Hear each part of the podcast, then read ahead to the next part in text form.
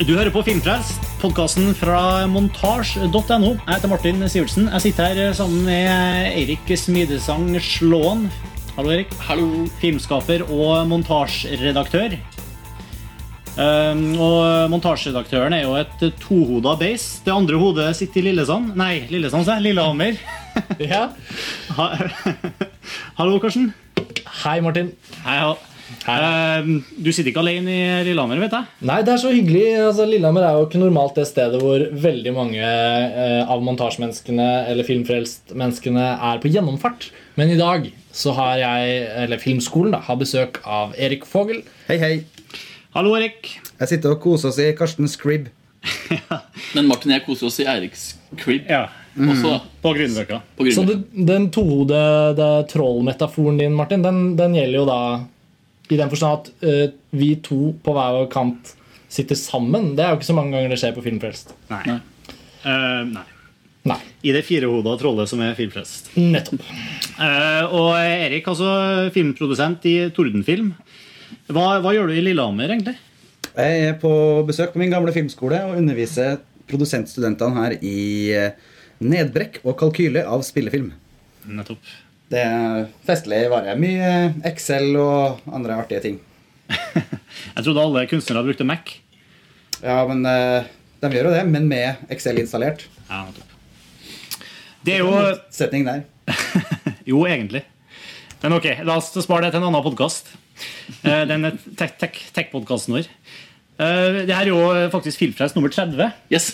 Og det er jo jubileum vi skal feire. Vi, vi skal feire som om det var 1999. Ja. Uh, og fordi eh, temaet vi har valgt oss for episoden her, er jo eh, nettopp en retrospektiv på uh, filmåret 1999. Det er jo noe vi ikke har gjort før på Filmfrelst, å ta for oss ett sånn filmår. Men eh, det har blitt gjort med suksess av andre podkaster vet jeg, og programmer osv. Og, så og det var vel egentlig du, Karsten, som, hadde, liksom, som kom med den ideen opprinnelig. Og da, Eh, ja, eller ja. ja, i hvert fall eh, som presenterte for, for meg. Og, og, og det, ikke minst var du som ivra for året 1999. Det er jo eh, sikkert et like bra sted å begynne som noe annet, men, men hvorfor akkurat eh, 1999? Altså, 1999 er et år som, som i hvert fall jeg eh, har diskutert veldig mye sammen med de næreste filmvennene mine. Da. Og det inkluderer jo Eirik, som sitter hos deg, og, og Lars Ole, som skriver på montasje, og, og flere andre som, som jeg har det til felles med at mange av eh, de virkelig, virkelig store filmopplevelsene på slutten av forrige tiår, de skjedde i 1999. Og for meg personlig så var det et viktig år fordi jeg var 17, og, og det preget meg veldig at det kom så sinnssykt mye god film akkurat mens jeg var liksom i dannelse som ekstremt filminteressert. Da. Jeg gikk på kino hele tiden, og når det da kom veldig mye bra film som var forskjellig og, og, eller variert og, og spennende, så, så, så gjorde det veldig inntrykk. Og nå i etterkant da, så tenker jeg på det året som et, kanskje et av de viktigste filmårene i mitt liv. da. Men det har jo også blitt, uavhengig av min personlige oppfatning av det filmåret, så har det jo også blitt bekreftet gjennom at utrolig mange filmer fra det året har fått lang levetid. De er liksom ikke blitt glemt. Så jeg synes det egner seg, men det er mange filmår vi kan eh, lage podkaster om. da. Jo, jo, det kan vi selvfølgelig komme tilbake til. Det, forhåpentligvis, hvis det her funker, så er det jo den første i en lang serie av retrospektiv filmår-spesialer. Eh, Jeg er usikker på hvor vi skal gå neste gang. Om vi skal telle oss oppover eller nedover, eller om vi skal bykse tilfeldig til et annet interessant år. Men jeg, jeg, jeg innrømme at jeg har aldri vært på den modusen at jeg har sett på film på en måte sånn Åh, det var et godt år. Liksom, sånn som vin. At det liksom jeg- Erik, har du vært der, eller? Jo, absolutt. Jeg også, Ja. Det slo meg i researchen for denne podkasten at herregud, så mye stolper det står igjen etter 1999. Så mange regissører så mange som var Som leverte fantastiske filmer det året. Og, og jeg merker også eh, ja, altså hvor, eh, hvor, hvor stor innflytelse mange av de filmene fra det året har hatt på meg i smak. og både som filmfan og i hele liksom, innstillinga til film, faktisk, for å bruke litt eh, store ord. Ja, Det, det handler også om at det var det året jeg begynte på filmskole. Jeg skulle begynne å prøve å lage film. Begynne å bli student av film. Og når det liksom sam, Når det kom samtidig med så mange store titler, så hadde det en eh, eh, en stor effekt, faktisk. Karsten, du sa du var 17. Hvor, hvor var du i verden? Spør du meg? Ja. Ja. Jeg var eh, i videregående. Jeg hadde akkurat begynt på andre videregående. Eh, Og eh, Hvor i verden? Jeg, I Oslo, hvor jeg har vokst opp. Pluss at jeg fikk eh, min første jobb i videobutikk. Eh, Så jeg var liksom midt i en sånn periode hvor eh, Jeg vet ikke, Folk opplever jo videregående ganske forskjellig. Jeg, jeg gikk på en videregående hvor de hadde musikkdans- og dramalinje, som jeg gikk på. og det var veldig sånn høy aktivitet. Folk var veldig opptatt av teater og film. Det ble diskutert veldig mye. Det var, det var en sånn type verden. Og mine kilder forteller meg jo at uh, du jobba i videobutikk sammen med Eirik. Ja, Eirik begynte å jobbe i den videobutikken året etter. da Så da eh, eh, Så akkurat i 1999, da jeg begynte å jobbe der, da, da hadde jeg liksom ingen venner i videobutikken engang. Så da Det, det begynte i det små, og så ble det mer og mer. da Dette var for så vidt videoen Nova Majorstua på uh, Ja, som er en ganske sentral videobutikk da i Oslo. Eirik, var det sånn uh, du ble kjent med Karsten? Eh, Karsten jeg møttes jo på Video Nova. ja. Ja. Jeg begynte jo der eh, ganske nøyaktig ett år etter Karsten. Jeg har sånn bilde i huet mitt. Jeg nevnte jo for deg så, jeg, jeg, jeg ser bare for meg Clerks. Altså, Karsten og jeg var kanskje de mest slitsomme Video Nova-ansatte som har vært noensinne. For vi var jo så nerdete. Altså, vi nekta jo folk å leie filmer som var dårlige. Og vi anbefalte filmer selvfølgelig i hytt og pinne.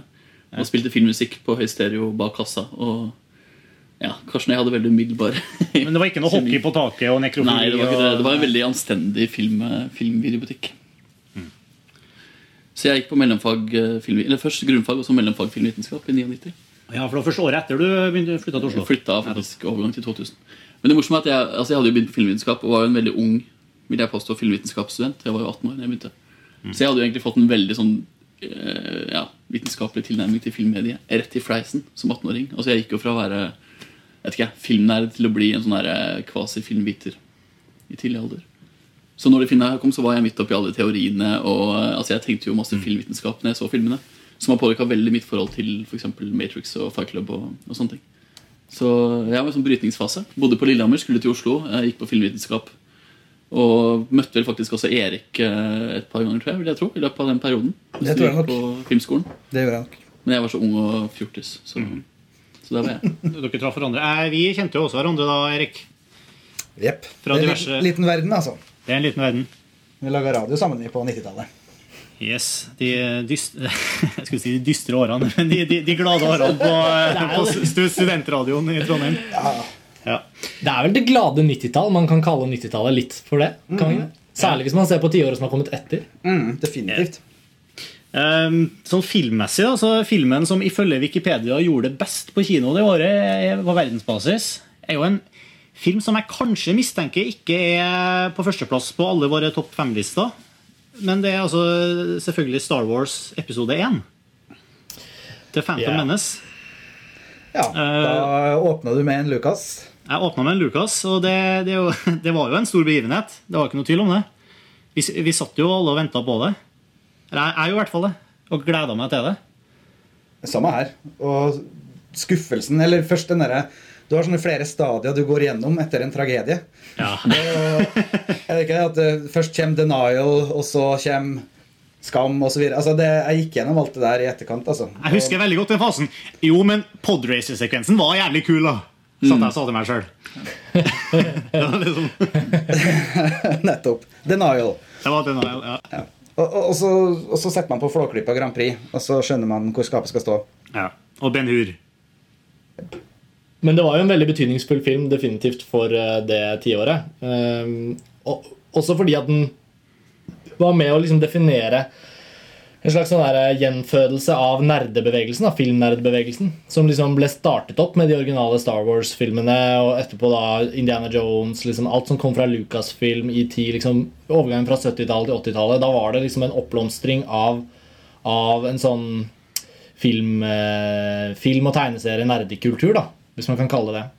Og den, den ble vel litt sånn overtatt av den der voldsforherligende Tarantino-bevegelsen på tidlig 90-tall. Og actionfilmens liksom tilbakekomst. Men så, i 1999, så hadde jo da de originale Star Wars-filmene gått i restaurert utgave på kino noen år før. Alle visste at det kom en ny Star Wars-film. Eh, Og da det var starten på en sånn slags sånn gjenfødelse av filmnerdebevegelsen, som for alvor slo til i 2001, da 'Ringenes herre' kom. Og, ja. Og det er en annen film som kom i 1999, som vi sikkert skal snakke mer om, som ingen kunne forvente at skulle komme, og som mange tok på mange måter tok hele gnisten vekk fra Star Wars. da Vi snakker selvfølgelig om The Matrix. Det er også veldig morsomt at Star Wars på en måte markerer slutten på de der trygge regissørene som vi hadde i Hollywood ikke sant, på 90-tallet. Altså de der George Lucas, Steven Spielberg, de der som alltid lagde bra filmer. Som var bankers. Som var bankers, Og så kom eh, Star Wars og bare sparka beinet under George Lucas og det imperiet. Og så kom det da veldig mange nye regissører, eller nye som hadde laget film før, men som nå virkelig ble etablert. da For eksempel David Fincher, som endelig markerte seg enda mer. da Så det ble på en måte troen på de nye talentene framfor de gamle. Litt det veiskillet der også. Skal vi bare hoppe i det, folkens, eller? Med Vi våre, er, vi er jo godt i gang. med, med våre topp fem. Ehm, skal vi begynne med Jeg tror vi begynner med deg, Erik. Erik Fogel, først ut. Ja. Jeg begynner, begynner nederst med en film som faktisk eh, vi kan fortsette en tråden med å snakke om geek-kultur. Fordi eh, det kom en film i 1999 som het Galaxy Quest. Som var direkte på video her i Norge. Eh, men som eh, jeg så da på video, og som jeg syntes var ustyrtelig morsom. In the far reaches of the galaxy, a civilization is under siege. We are all that is left. They've searched the universe for a leader. Stay tuned for scenes from next week's Galaxy Quest. Never give up, never surrender. He will save us! Det er en slags hyllest til geeks eh, og til fans. eh, og en parodi på en eh, Eller jeg vet ikke hva jeg skal kalle en parodi, en komedie. Om en sånn gjeng med avdanka skuespillere som spilte i en science fiction-serie som ikke er ulik Star Trek. Eh, bare da i filmen her er det eh, Ja, de har liksom anonymisert det. Eh, og en gjeng med avdanka skuespillere med Sigourney Weaver, Tim Allen og, og Alan Rickman, blant annet. Eh, Altså, så- Casten er jo sinnssyk. Fantastisk cast, eh, regissert av en kar som heter Dean Pariseau. Som jeg ikke vet så mye om, og som egentlig ifølge IMDb ikke har gjort så veldig mye som man kan heve øyenbrynene for i etterkant. Men plottet er veldig greit. De eh, skuespillerne her reiser rundt på sånne fan conventions og må liksom fornedre seg med å signere alt mulig rart og svare på geeky spørsmål om eh, hvordan positrongeneratoren fungerte eh, egentlig, og hvordan det kunne ha seg til episode 17 i sesong 2 osv. osv. Og de hater livet. Tim Allen, som spiller liksom kapteinen i det her Star Trek-aktige crewet, han er forfylla og, og tror han havner på en reklamefilminnspilling når han blir vekt opp tidlig en morgen. Og plutselig så sitter han på brua på sitt gamle romskip og han syns det er jævlig bra gjenskapt. Eh, så lurer han på hva han skal selge. da. Så kommer det en sånn alien på skjermen som, eh, som, sier, som begynner å true han. Så bare drar han de gamle replikkene sine og sier bare Dra til helvete. Vi skal Ja, bare kom dere hjem. Vi Ja, altså. Han bare avfeier hele den trusselen. Så viser det seg at alt det her var sant. At alt var ekte. At han har blitt kidnappa av noen aliens som har, eh, som har sett på TV fra 60-tallet, og som tror at eh, han, Tim Allen og gjengen hans er da en gjeng med helter. Så de har bygd masse romskip som ligner på det de har sett på TV. Og så må de da sette i gang med å redde universet på ordentlig. Det var en litt lang og krøkkete pitch, men det er liksom eh, setupet, og det er ustyrtelig morsomt. Det er bare, det, ja, det er bare drypp av eh, eh, spilleglede hos eh, castet, og det er veldig smart, og det er veldig veldig morsomt. Galaxy Quest er nummer fem. Er den, eh, er den på noen av våre andres eh, lister? Nei, men jeg så han bare for et par må- Jeg så han rett etter at vi tok opp Star Trek-episoden min. eh, min, eh, Star Trek-episoden vår. Fordi eh, Jeg, jeg, jeg har snakka om den før, Som du. Du gjorde det, og jeg, jeg hadde ikke, da innså jeg at jeg ikke hadde sett den filmen, så jeg kjøpte den med en gang etter eh, vi tok opp eh, den episoden. Og så den, og jeg syns absolutt den holdt mål i dag for førstegangsvisning eh, som en eh, morsom komedie. Altså hvis, eh, hvis man er liksom inne i den der sci-fi geek-modusen. Den, er absolutt ikke, den har ikke tapt seg veldig. altså. Jeg så den da den kom på video. Det var nok le ganske lenge etter den kom i USA, tror jeg. Det må ha vært året etter. eller noe sånt. Det kom fordi- sikkert året etter. Ja. Mm. Men Jeg husker veldig godt at den kom inn i videobutikken. Selvfølgelig. og det var en sånn film som, som, som var oppriktig overraskende. For vi, Alle som har jobbet i videobutikk, kjenner den sjangeren dårlig cover. Eh, og da avviser de filmer. Det er liksom dårlig cover. Nei, det kan ikke være noe bra.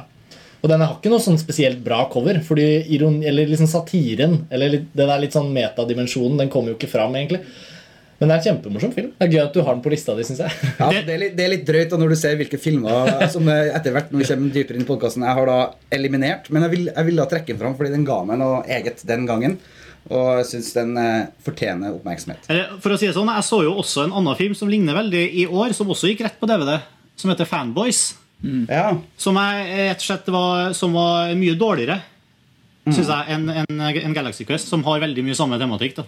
Men den Fanboys den har vel handlingen sin satt i 1999, har den ikke det? Ja, Den handler om en eh, gjeng med Star Wars Nei, ja, Star Wars-fanatikere som bryter seg inn på Lucas eh, Ranch og sniker seg til en eh, visning av episode 1.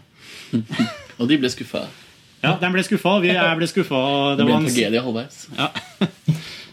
Men vi må videre til nummer fire. hvis vi skal snakke Nei, jeg alle. tror faktisk vi skal ta deres nummer fem. nå. Skal vi ta alles Det, Yes, det er en det er en god demokratisk måte å gjøre det på. Vi tar det. alles. Da blir det skikkelig trommerull fremover. Ja, ja, ja. Så sparker ballen til deg, Martin. Ja, jeg har en eh, animasjonsfilm, faktisk, som jeg så ganske nylig. For første gang. Og det er ikke Toy Story 2 som er den eh, mest eh, inntjenende filmen, mest sette filmen det året av, i animasjonssjangeren. Uh, men det er derimot en film som heter The Iron Giant. Yes! nights ago, SATCOM radar detected an unidentified object entering Earth's atmosphere.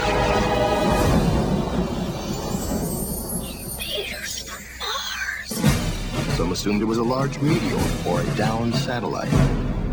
This is no meteor, gentlemen. This is something much more dangerous.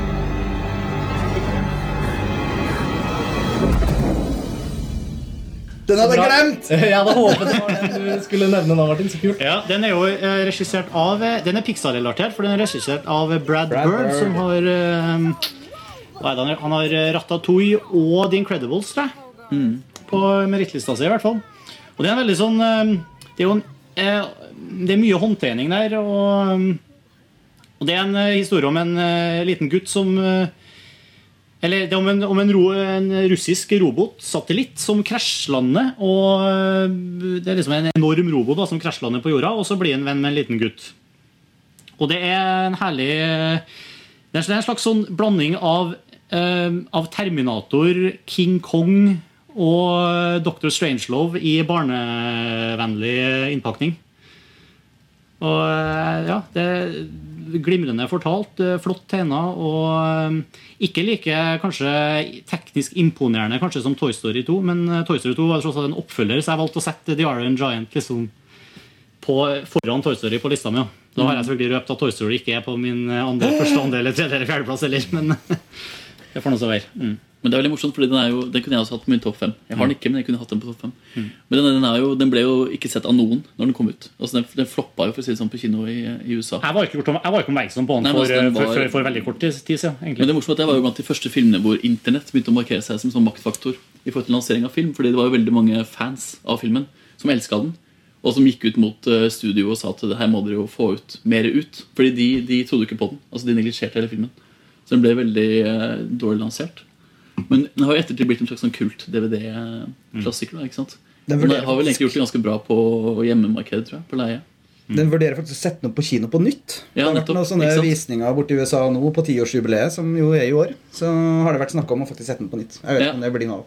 Og den regnes jo, altså virkelig, den er jo kanskje blant de animasjonsfilmene som er med på den der vendepunktet hvor manus begynner å få en viktig funksjon. i, eh, i Altså, den er jo veldig tight manusmessig. Den er liksom Og regien er jo virkelig Den er veldig rett på sak. Veldig enkel egentlig i, historien, og sånn, men eh, den er fokusert. Og eh, den, den er kort, for så vidt, men liksom den, den gjør det veldig effektivt. Da, og den får deg med på hele, hele turen. på en måte. Men den er et veldig bra forvarsel om hva som skulle komme i forhold til manusdrevne animasjonsfilmer. da senere. Det er, en ny, det er veldig, Jeg må bare berømme dubbingen på den, altså den originale dubbingen. Da. Altså, stemmene er veldig fine. Jeg husker, jeg husker godt, eh, jeg så den noen år etterpå, da, så da hadde jo Wind Diesel blitt veldig kjent. Men han eh, hadde jo bare spilt i Red Many Ryan eh, da den filmen her kom. Og han har jo egentlig en utrolig fin stemme til, eh, til, eh, ja, til Jernkjempen. Så Han har, ja, men det er jo sånn skikkelig sånn Det er jo en eh, litt sånn Ja, det er jo en effektstemme. Ja, selvfølgelig, men jeg mener, den, den spiller Den har sin egen eh, Det er noe der, altså. Eh, og musikken til Michael Kamen eh, Det er veldig mye ved den filmen som egentlig Det er kjempesynd at den ikke gjorde det bedre da. For hadde den måtte, fått sitt gjennomslag idet den kom, så kunne den også vært med å, å dra den typen animasjonsfilm i en riktigere retning også hos Warner Bros. som produserte den. For de har jo nesten sluttet med animasjonsfilm. Men var jo utrolig sterke på animasjonsfilm før. Så det er litt sånn melankoli rundt 'Gutten og jernkjempen' synes jeg, som, som film. Ja, det, og det, jeg føler at det er litt sånn Det er litt Pixar på en måte. Uten å være, uten å være en Pixar. Du kan, du kan fortsatt gå tilbake og søke på nettartikler som handler om hvor bra den filmen her er. Og at den må fås mer ut da, i USA. Altså Folk som debatterer og krangler om det på nettsider. Det er ganske morsomt. Ja, de andre stemmene Jennifer Aniston, Harry Connick jr. Mm. For å nevne noen. Nei, bra, en bra film å få med på liste, altså. Helt klart. Yes, Din femteplass for 1999, eh, Eirik Smidesang Slåen. Rushmore av Wes Anderson har jeg på femteplass. Unnskyld, eh, vi, vi, vi må bryte inn her. eh, Juryen må bryte inn. Den er 98. 98 ser jeg her, jeg også. Ja, for jeg har sett på kinolandseringsdato i Norge. skjønner du Ah, Ah, den sto på lista mi og inntil 30 sekunder før sendingsstart her. jeg hadde nemlig The Thin Red Line på min liste òg, inntil jeg så at det var okay. 98. Så du 98. har sjetteplassen opp på femtemann, tror du? Mm, skal, vi, sånn er reglene. skal vi rocke om, eh, Eirik? Om- Eller skal du få lov til å skal vi... Nei, altså Det kom an på når den var ute. Altså Jeg, jeg så den på kino da i 99. på en måte Kan vi, kan vi ikke ta med Rushmore bare for å Jeg vet ikke Det er så gøy å snakke om en film som alle åpenbart er ganske glad i. ja, Men hvis det, handler om, hvis det handler om året vi så filmen, og året 1999 i min karriere som filmnerd, så er jo Rushmore med i 99. Eh, og det vil jeg forsvare. For at jeg så den faktisk eh, Altså Det var da jeg faktisk fikk øya opp for det som ikke var Hollywood-film fra USA. da Derfor er det et viktig veiskille i min forståelse av amerikansk film. Eh, men jeg har sjette sansen på sjetteplass. Ah. Eh, sin sjette sansen, som er den eneste Shyamalan-filmen jeg liker. Jeg synes de andre er uh, crap. Og det er interessant, fordi de er jo ytterpunktene i min amerikanske filmopplevelse Når jeg var 20, 19-20 år. Altså Den ene er en sånn skikkelig uavhengig film Rushmore som tok meg bare virkelig på senga. What's the secret, Max? The secret? I think you just gotta find something you love to do and then do it for the rest of your life. For me, it's going to Rushmore. Sharp little guy. He's one of the worst students we've got. Did you invite that kid to your party? Max Fisher? Come on, Dad. There's gonna be girls there. I'd rather die. Pull your head out of here. Men det som er poenget med Rushmore, at den er så avsindig godt regissert. Den er så, den er så fint laget. da Det er en så var og øm og bare engasjerende historie. Og Bill Murray skulle fått Oscar for lenge siden, men han burde også fått en Oscar for, eh, for beste mannlige birolle. Hør, Han er så flott. Han er så flott. Så altså, for meg, uavhengig av år, da, så er Rushmore er filmen som i 1999 gjorde meg til en eh, person som søkte litt mer mot det amerikanske utenfor mainstream-markedet. Så det er et viktig veiskille for meg. da. Godkjent. Takk. Ja, godkjent. Ja. Det er greit. Det er greit. Karsten, hva er din nummer fem på 1999? Ehm, ja. ja. eh, Jeg har jo nesten hatt mer smerte enn glede av å lage denne lista. For det er jo så utrolig mye gode filmer. Men jeg har kuttet det ned. Og eh, jeg vil si da at nummer fem er eh, The Insider av Michael Mann. You go public and 30 million people hear what you gotta say. Nothing, I mean nothing, will ever be the same again. Now, the work we did here is confidential, not for public scrutiny, any more than our one's family matters. We're very serious about protecting our interests. Så jeg vil bare si at selv om vi stopper ved fem, så er The Insider veldig høyt opp på listen. For det er jo 20 filmer som, som jeg faktisk elsker fra dette året. Men The Insider av Michael Mann er da min nummer fem. Eh, Dette er jo filmen som eh, Hvor skal vi begynne? Altså, det, er en, det er en film om en uh, sann uh, hendelse innad i redaksjonen på det amerikanske TV-programmet 60 Minutes. Uh, de gjør en reportasje på tobakkindustrien hvor en spesifikk figur, Jeffrey Wygand, som da bestemmer seg for å være whistleblower Han bestemmer seg for å si sannheten om tobakksselskapet han jobber i. Denne figuren spilles av Russell Crowe i en rolle som på mange måter er langt mer imponerende enn eh, rollen- tittelrollen i Gladiator året etter, som han fikk Oscar for. Eh, han var nominert for The Insider, men den rolleprestasjonen i mine øyne i hvert fall står seg ekstremt mye sterkere enn en Gladiator. Uten å sette de opp mot hverandre. da. Men i hvert fall Russell Crowe spiller hovedrollen mot Al Pacino. Eller Al Pacino er vel egentlig hovedrollen, men Russell Crowes figur er den mest sånn eh, avgjørende karakteren i dramaet. da. Men eh, Al Pacino spiller en journalist i, eller en produsent i 60 Minutes Og Christopher Plummer spiller den legendariske 60 Minutes-mannen Mike Wallace.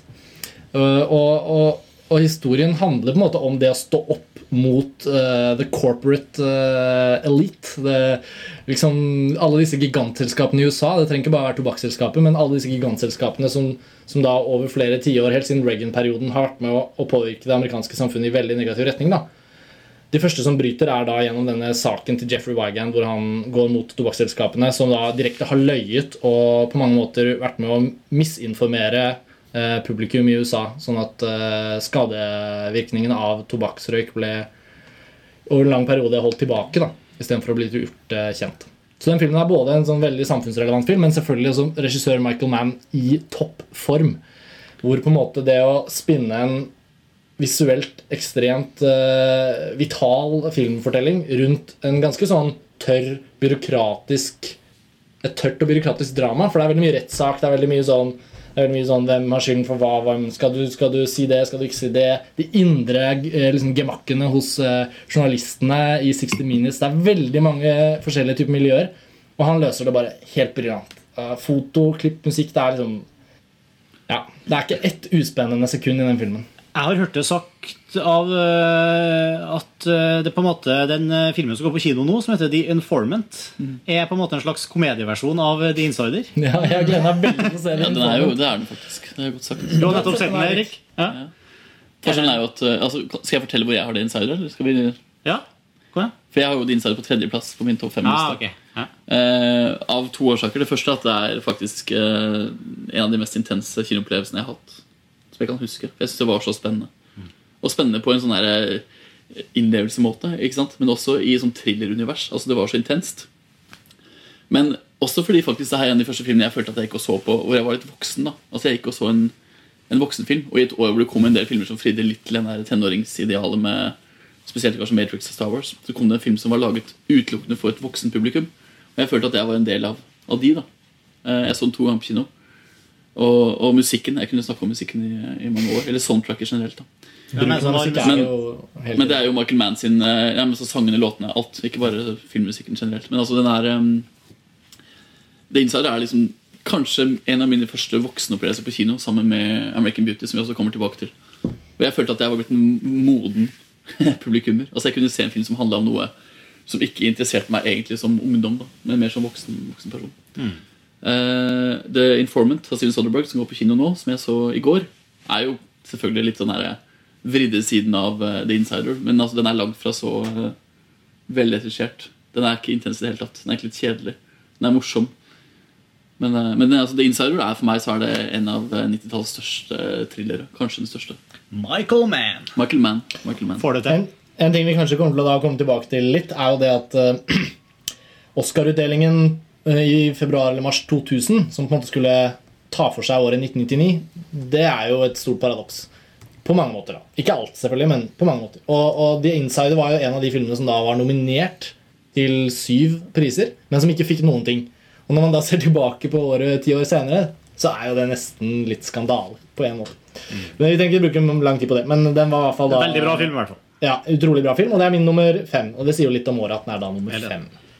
Ok, bra. Um, da har vi alle sammen vært gjennom våre topp fem. Da går vi videre til, topp, uh, altså til, nummer, til fjerdeplass på topp fem-lista vår. Uh, Erik, du er først. Uh, ja, fjerdeplassen. Ja. det er jo vondt å lage en sånn liste og merke at jeg kom litt skjevt ut med en litt sånn uortodoks femmer. Men jeg håper at kanskje vi kan samles litt rundt fire. Det er en film du nevnte, Martin. Nemlig Toy Story 2. He's stealing Woody. What? Somebody do something! Woody was kidnapped. Woody once risked his life to save me. I couldn't call myself his friend if I weren't willing to do the same. I'm pecking you your angry eyes, just in case. Let's move, move, move! Geronimo! Pixar og John Lasseter. John Lasseter som regissør. Det var for meg en film som Som bare Å, altså altså, den bare åpna opp eh, animasjon. Jeg så, jeg så også Iron Giant, jeg så den etter Toy Story 2. Men i forhold til liksom, animasjon som medium som kan nå folk i alle aldre og ha, holde alle like eh, like underholdt og like rørt. Og, og det å ha liksom en, en, altså rett og slett en, en filmopplevelse for eh, hvor målgruppa er menneskeheten, eh, og ikke liksom eh, ungdom eller voksne eller sånne ting, men hvor eh, en hel sal kan være veldig sammensatt og kose seg med en film. Så er Toy Story 2 uh, står der som en påle. Også i forhold til Ja, som en sånn ja, slags sånn uh, Hva er det på godt norsk, da? A watershed moment. um, ja. Både Toy Story 1 og Toy Story 2 er på en måte genierklært uh, som, Jo, som jevngod, på en måte, er de ikke? Nei, Toy Story 2 pusha det enda Ja, lenger. Altså. enda lenger, ja, Det er et, det er et veiskille over til toeren. Altså. Ja, for, for, to, for eneren handla veldig om å liksom bevise at man kunne lage en eh, full uh, animert eh, spillefilm i 3D. Uh, men uh, Toy Story 2 viste at det også er kunst, på en måte. For, To- for Toy Story 1 var den første spille... Første helaftens helaftens, 3D-film. eh, 3D-film. Mm. Eller spe... Ja. Mm. 3D-animerte Dataanimert, eh, dataanimerte, mener du? Og Toy Story 2 kommer jeg tilbake til gang på gang. Altså, jeg har sett den mange ganger opp gjennom årene, og den eh, holder seg veldig godt. Altså, Gå og se den på kino når den kommer nå hvert øyeblikk. Hvis den ikke har gått allerede, kanskje. Hvilken tenkte du på? Nei, nei, nei, ikke, nei, den har ikke kommet ennå, nei, for den skal jeg prøve å få med. 3D-utgaven? Både eneren og toeren er vel relansert nå i 3D? Ja, men det er ikke kommet Ja, noe ennå. men det ikke kommet De, de, går, i- går i USA nå, men uh... Ja. Nei, det skal jeg i hvert fall få med. Og gleder meg masse til treeren. mm, ja, De teaser-trailerne ser jo akkurat så sjarmerende og gode ut som vi håper på. Nei, det var min eh, nummer fire. Utvilsom klassiker. Uh, hvor er vi da? Er meg, da? Jeg har faktisk en uh, film fra um, En film fra 1999. yes. Wow! Eh, wow. Eh, Paul Thomas Anderson. Magnolia. Magnolia, selvfølgelig. Oi, oi, oi. Oi, oi, here we go. Da er vi da nå, nå spisser det seg til. Det var en av de tragiske som da ikke endte opp på min topp fem. Den gjorde ikke det. Som var veldig vondt å ikke få med på I'm topp going to fem. read a line to you from an opera. I want you to give me that line back in the language in which the opera was originally written. And for a bonus 250, uh, you can sing it. I'm Stanley Spector. There is the story of a boy genius Roy Catherine, Thomas Kidd, Jean-Baptiste Clamolier. and the game show And host. Jimmy Gator. Live from Burbank, California. First question for 25. This French playwright and actor joined the bizarre troupe of actors. And the ex-boy genius. Quiz Dunny Smith. I used to be smart, now I'm just stupid. There is the story of the dying man. Det er ja, en slags uh, Hva skal vi si? Uh, shortcuts på steroider. Den, er, den er lang og intens, og det skjer mye jævlig i den filmen. Uh, samtidig så er den merkelig fascinerende og morsom. Og mm, ja, jeg har egentlig ikke noe Det er vanskelig å beskrive den filmen, syns jeg, men eh, den, eh, den snirkler seg sammen. Og det eneste som er liksom det er et, Jeg syns det er et mesterverk. eh, Men den er, det er på en måte den ultimate sånn montasjefilmen. For den er så full av montasjer. Sånne, film, sånne musikksekvenser. Hvor du, Åpningsscenen, eksempel. ja, men det, Åpningsscenen er én, men det er i hvert fall fire-fem sånne sekvenser i løpet av filmen hvor du, bare, du spiller musikk, og du ser bare eh, litt sånn sakte klipp fra alle de forskjellige historie, plott-historiene klippa sammen i en sånn musikkmontasje. Og det, det funker veldig bra, så uten å bli plagsomt klisjéfylt. Og, Jeg vil jo si det er 1999s mest velspilte film. da ja. ja, full av, full av stjerner, selvfølgelig. Jo, men Julianne Moore for eksempel, var jo nominert til Oscar for beste birolle. Og det her burde jo vært hennes Oscar-rolle. Altså Hun endte jo opp med å få mange nominasjoner i de kommende årene, men altså den rollen hennes i Magnolia er virkelig åh, det, er så, det er så bra. Det er jo nesten hennes gjennombruddsfilm. Ja, det, er jo, det er jo faktisk det. Altså, i en sånn uh, kritiker-Oscar-sammenheng så er det jo det. Ja. I en scene hvor hun bare eksploderer Ja, ja, bare- på, apoteket. Som er helt fantastisk. husker jeg, når jeg- Altså, hun er jo paradoksalt nok også i Shortcuts av Robert Altman, men da var det jo på en måte ikke hun som ble lagt merke til. i den forstand Jo, men Hun var jo på en måte en sånn der underdog uh, helt lenge ikke sant, i Hollywood. Ja. Men altså med Magnolia så bare, det var helt umulig å ikke avfeie henne. Fordi hun går jo med følelsene bare på fors altså Alt ligger jo på utsiden i den filmen. hos henne. Og husk, det er jo ikke tilfeldig Hun står jo øverst på rollelista her på, på IMDv. Du har jo også Tom Cruise, selvfølgelig. Og Philip Seymour Hoffman og William Macy. Alfred John Molina, C. Riley, for faen. John C. Reilly, selvfølgelig. Men Det er jo en film som er sånn at du kan ta ut hvert enkelt uh, stillbilde og se på hvor nydelig det er fotografert. Og du kan ta ut alle skuespillerne og bare se på replikklevering og se på skuespillertiming. Altså alt er bare Så jeg, jeg- liker Magnolia bedre enn jeg liker for eksempel There Will Be Blood. Eller, eh, så for meg så er det en Det kan vi slåss om på en annen podcast. Dette blir, på- dette blir Paul Thomas Anderson-podkasten veldig fort. Ja, sterke meninger. Men det er, jo, det er jo en annen kan Hvis jeg bare kan kime inn Denne filmen kommer vi jo tilbake til eh, når listene nærmer seg toppen. Men eh, det er jo også en sterk, sterk, sterk autørstemme da, som har fått lov eh, å si nøyaktig hva han ønsket i en film. Og det er jo noe vi har blitt enige i hvert fall Erik og jeg før sending ble snakket mye om at og det skal vi sikkert komme tilbake til 1999 er et år hvor usedvanlig mange sterke stemmer får lov til å si det de vil i filmene, ganske uanfektet av eh, andre sterkere krefter. Da. Og, og det at Paul Thomas Anderson fikk lov å gjennomføre, eller fikk på en eller annen måte da, gjort Magnolia så akkurat som han vil, inkludert frosker, det er ganske, det er ganske fantastisk. Og inkludert at filmen er nesten tre timer lang. Ja.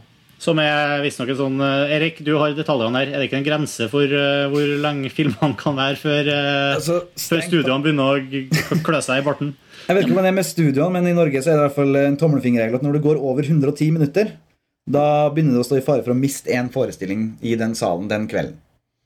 Eh, Så det er et eller annet med Det er veldig få filmer forunt å få, å få, liksom, få den plassen da, som eh, noe sånt trenger. Så tjente ikke Magnolia mer enn 22 millioner dollar på kino i USA. Som strengt tatt er kanskje bra for den typen film, men det var langt under budsjettet, som lå opp mot 37 millioner ifølge IMDb.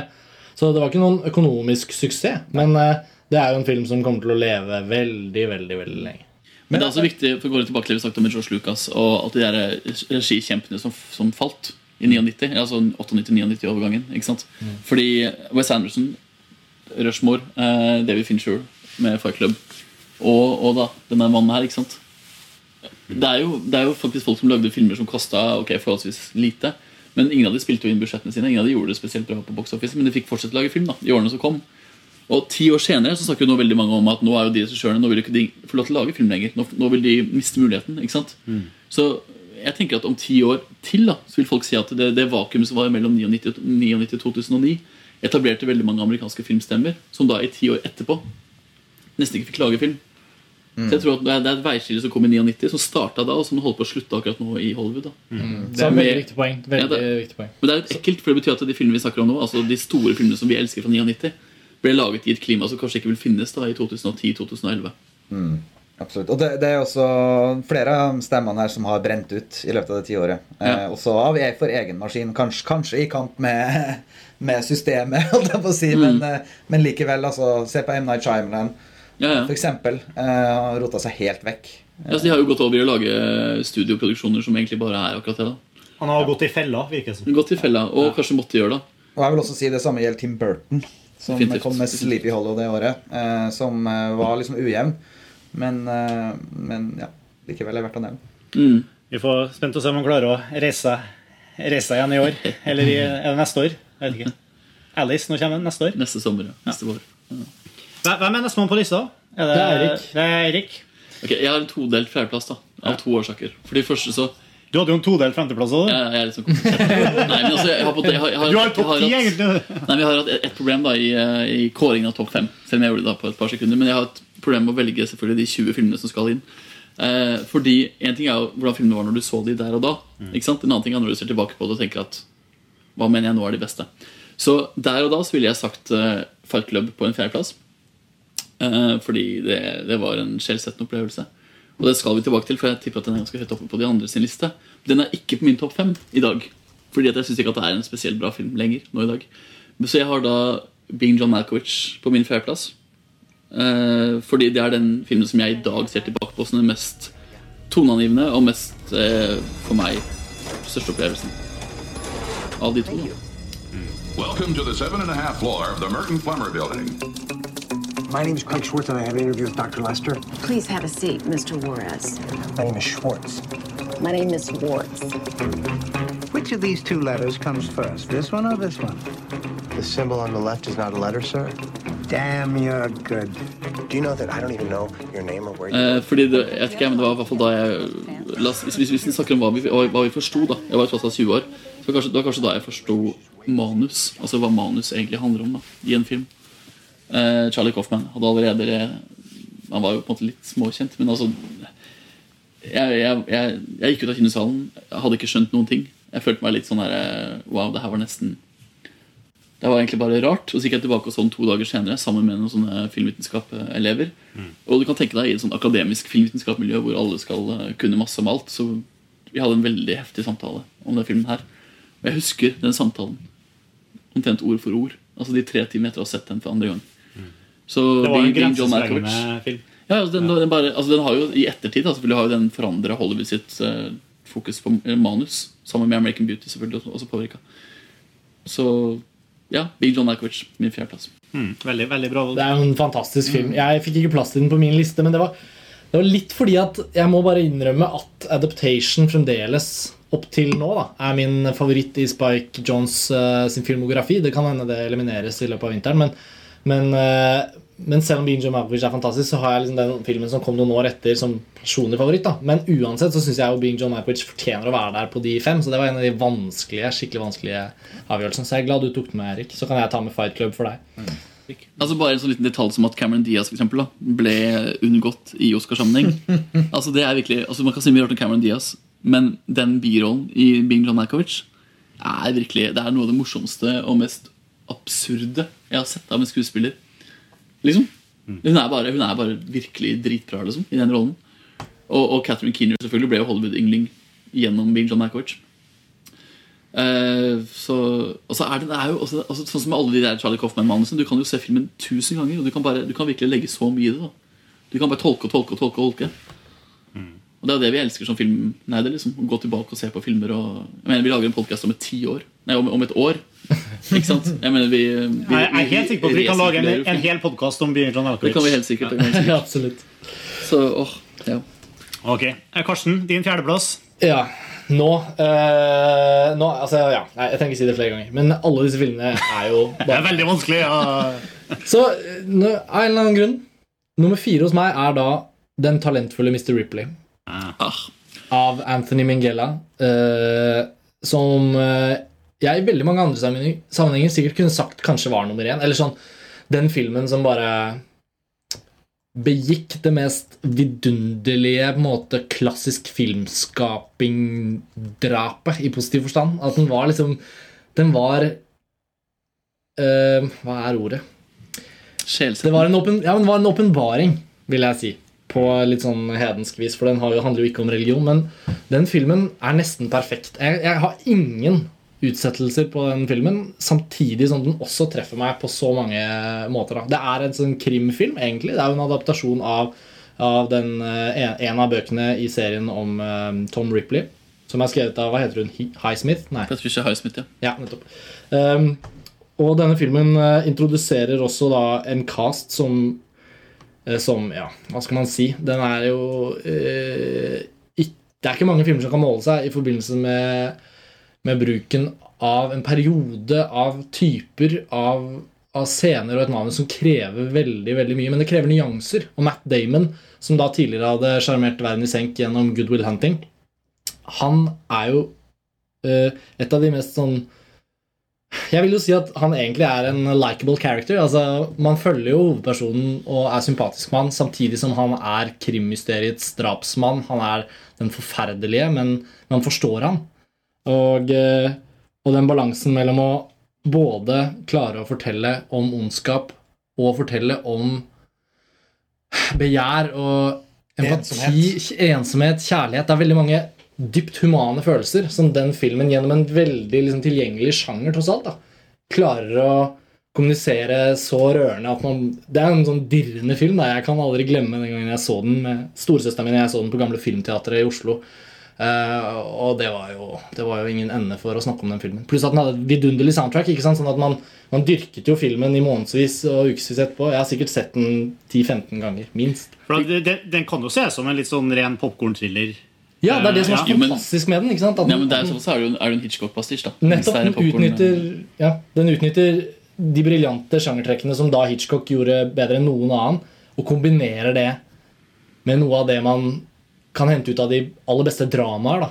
Mm. Eh, Men det, står, det, står og faller, om, det står og faller på regiinnsatsen til Anthony Miguel. Da, Vil jeg påstå.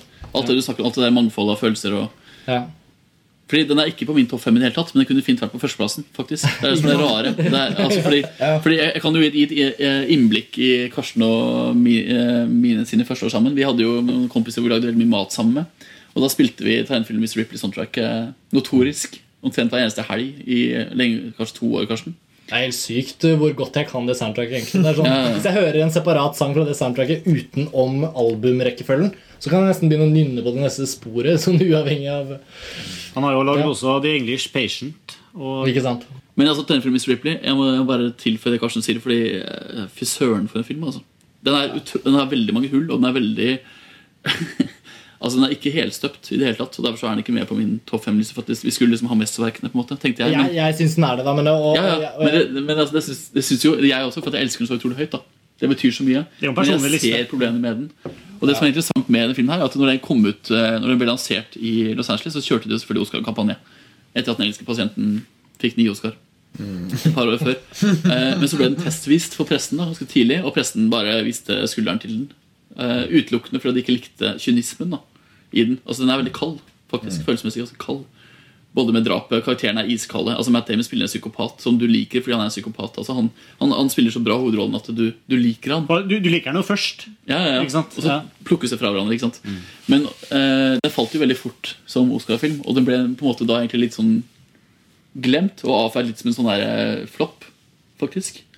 Mens i ettertid, da, i hvert fall sånn et år etterpå, to år etterpå, så ble den henta fram igjen. og men altså, den er fortsatt ikke med på sånne lister over de beste filmene fra 1999. altså sånn, det, det at vi tar den med, er faktisk litt sånn unikt. da Jeg har den ikke ikke på lista mi, men eh, jeg er helt enig i at det er en god film.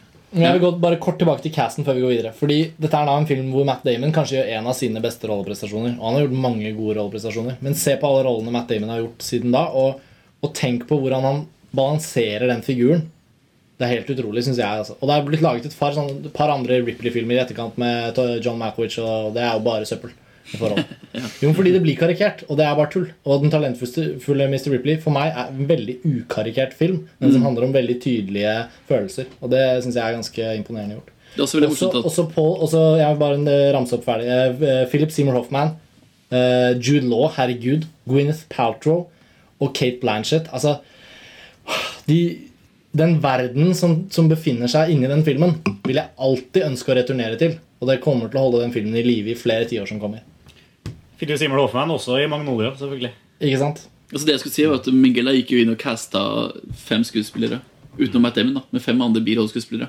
Som alle var på en måte på den gjennombruddsstadiet. Altså Noen hadde fått Oscar, sånn som Matt Damon. ikke sant? Jude Law ble nominert for filmen. Kate Blanchett hadde vært nominert for Elisabeth. Altså det var, eh, men altså alle var sånne skuespillere som lå og vaka litt midt imellom stjerne og det å være talent. da Eh, Men jeg vil jo si som deg, Karsten, at det som er så spesielt med filmen, er at du går tilbake til stemningen hele tiden. Altså Den har en sånn utrolig stemning. da Som handler vel så mye om fotarbeid som musikken. Mm. Og, og, og location-bruken i, eh, i Italia. Så det, for meg så er det her en litt, en litt sånn glemt perle. da Den filmen her Jeg fikk veldig lyst til å se den igjen nå, merker jeg. Helt enig. Ja. det er lenge siden jeg har sett den. Men. Men hør på musikken. Hør på den musikken, Mm. musikken her, altså Gable Yard, som fikk Oscar for engelske pasienten. Det er et av de nydeligste soundtrackene som er skrevet. Og også et av de mest ondskapsfulle. Fordi musikken er virkelig Mm. vakker, men samtidig veldig ond. Da. Veldig bra valg, Karsten. Jo da, bare yes. Nå, Tredjeplass. Tredjeplass, Erik. Eh, meg igjen. Eh, ja. Jeg har eh, bestemt meg for å lande på en eh, film av en regissør som definitivt ikke Ikke um, uh, Verken var Altså, han, han var godt eh, Hva heter det for noe? Han var godt eh, etablert, men tok en ny retning i 1999. Så han, sorry, det tok en stund å komme meg dit. To, to år på bakken. Vi snakker om David Lynch's The Straight Story. When my kids were real little, I used to play a game with them. I'd give each one of them a stick, and I'd say, You break that. Of course, they could, real easy. Then I'd say, Tie them sticks in a bundle, try to break that. Of course, they couldn't. Then I'd say, That bundle, that's family. Den er på tredjeplass fordi det var en av de store kinoopplevelsene det året. Jeg så den på kino her i Lillehammer, husker jeg. Jeg husker veldig godt den dagen og den eh, kvelden pga. på grunn av den eh, filmopplevelsen. Og det var meditativt, og det var storslagent i det lille. Og det var eh, fantastisk eh, håndverk og en rørende historie. Og man blir fylt med varme inni seg av å se den filmen. Um, Også og- kjent som Gressklippermannen. Ja. The Lawnmower Man. Ja. Eh, et bilde husker jeg som jeg refererte for Karsten her litt tidligere før vi gikk på. Eh, som jeg husker som har etsa seg fast, det er rett og slett eh, den gamle mannen Hva het han til fornavn? Alvin Straight, var det? Jo, Alvin Straight. Som kjører med, Han skal jo kjøre og besøke sin bror som er syk på andre sida av landet bortimot. Så han kjører sin gressklipper, den gamle mannen. Og så kjører han bortover en endeløs lange- landevei, og så er kameraet litt over den og bak den, og vi ser den endeløse veien. Ser at han putrer bortover i to km i timen. Og så går kameraet tiltet opp i himmelen og blir der. I kanskje Ja, så det her er litt sånn som sånne øyeblikk man husker fra kino. Så når man ser dem igjen, så var den kanskje ikke, ikke så lang, sånn som det der sparket i Karate Kid. Vi, eh, når vi så det og var elleve år, så var det vanvittig. Når du ser det igjen, så er det bare sånn. Men i hvert fall, kamerapanne tilter opp i, i, i himmelen. Bli der, og vi bare koser oss med å se på himmelen. Og så går kameraet ned igjen, og så har Alvin kommet liksom 50 meter lenger ned i veien i mellomtida.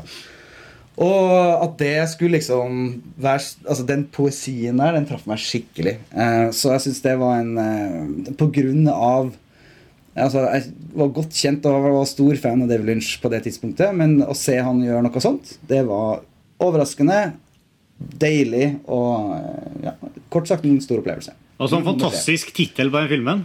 Det er liksom det er David Lynch sin straight story. Jo, Liksom. men det, det jo det verste. Det verste er jo at når altså, filmplakaten som kom på Lillehammer kino, når da Erik og Ja. jeg bodde på Lillehammer, det sto Walt Disney Pictures presents The Straight Story, a film by David Lynch. Ja, det er helt Walt absurd, Disney Pictures, ja. liksom, så da etter hvert ble forsvant som eh, den, den delen av det, presenterer en straight story av David Lynch. Altså Det kunne ikke være mer absurd enn det. altså Nei. Så det, det var på en måte nok et kapittel i David Lynch sin absurditet. Ja, ja, ja, Men det her er jo faktisk Jeg vil påstå at det kanskje det her er den mest velformulerte David Lynch-filmen av, av alle han har laget. Mm. Og det er kanskje... Ja. Den ble, den, den ble omdiskutert litt i år i forbindelse med Nord. Ja, ja, ja. Nord ble liksom Lawnmower. eh, ble, ble nevnt for å ha hatt sterke bli, bli sterkt påvirka av The Straight Story. Jeg husker jo Vi, vi så den på kino på Lillehammer, og vi hadde til og med minne Vi så den på nytt igjen når han hovedrolleinnehaveren døde. Han døde jo like etter Oscar-utdelingen. Mm. Noen måneder senere. Han ble nominert for Oscar, og så døde han. Um, og han døde vel av eh, kreft, tror jeg faktisk. Jeg husker at vi så den på nytt igjen på VHS som en sånn derre Tribute, altså. ja. Han, eh, jeg, eh, jeg husker veldig godt drama rundt det, for han hadde fått kreft, og han skulle dø av kreft. Ja. Men han ville ikke dø av kreft, så han skjøt seg med hagle. Stemmer. Sånn var det kanskje. Helt rett. Var det ikke sånn at han reiste ikke han på tvers av USA pga. at broren hans hadde kreft? Hadde ikke... I filmen? Ja. Det var, en- var, han var ikke, Skulle hatt oppsøkt en bror han ikke hadde sett på kjempelenge. men var det ikke fordi han var i ferd med å dø? Jo, det var det. Ja. Noe sånt. Det er en fryktelig rørende film, og det synes jeg Det er veldig fint at du tar med den nå, fordi den, den representerer jo en sånn type film som kanskje nett, Selv om David Lynch alltid tiltrekker seg oppmerksomhet pga. filmene han velger å lage, så var jo det det var jo en film som ikke fikk et stort publikum. Og det, det, var, det var ikke en spektakulær film. Det var bare en veldig god film. Det var en stillfaren og hjertevarm og Men til forskjell fra de andre åtte filmene så var det en film som spilte inn budsjettet sitt. da. Det her, Det er vel- på kino. ikke? Og det er heller ikke helt vanlig i David Lynch eh, sin filmografi. Men altså, jeg vil faktisk si en annen ting som handler om The Space Story, som er at hvis folk ikke liker eh, Angelo Badalamenti, altså David Lynch sin eh, faste komponist, fordi han er så bisarr og sær, og alt det her, så må dere høre på soundtracket til eh, The Straight Story. For det er, det er ikke bare David Lynch som har laget en i anførselstegn konvensjonell film. Det har også teknikerne gjort. Altså fotografen, komponisten. Det er veldig gøy å se de folka som vanligvis opererer i det der absurde David Lynch-universet, gjøre en litt konvensjonell Hollywood-film. Som sjanger, da. Det er veldig mye øyne. Ja. Men hør, hør, hør på soundtracket, for det er ganske interessant. Av Badalamenti. Og herregud, la oss ikke glemme Sissy Spacek i, i birolle. Fordi Sissy Spacek har jo gjort karriere på å gjøre sånne støtteroller, og hun er jo Hun er vel så bra som alt annet i The Straight Story. Altså, så den tilbakestående datteren til eh, Alvin Straight. Veldig bra. Yes, Det var din tredjeplass, eh, Erik. Stemmer. Min tredjeplass det er en film eh, fra en uh, tsjekkisk regissør, faktisk. Du vet hvilken det er, nå, Erik? Oi, nå er jeg nysgjerrig. Du liker den ikke? Hvorfor nå. Eh, Milos Forman. Man on the on the Moon. Moon. Man on the Moon heter den. Hello, I am Andy. I want to be the biggest star in the world. Your act is like amateur hour. And I'm not like everybody else. I really like what you did out there. I'm not a comedian. I don't want to go for cheap laughs. Shark? What's wrong with this guy? They detest you. That means we're a success. 40 million people are watching you every week. Party time for Latka. Some of us at Saturday Night Live think Andy Kaufman's a comic genius. Thank you very much.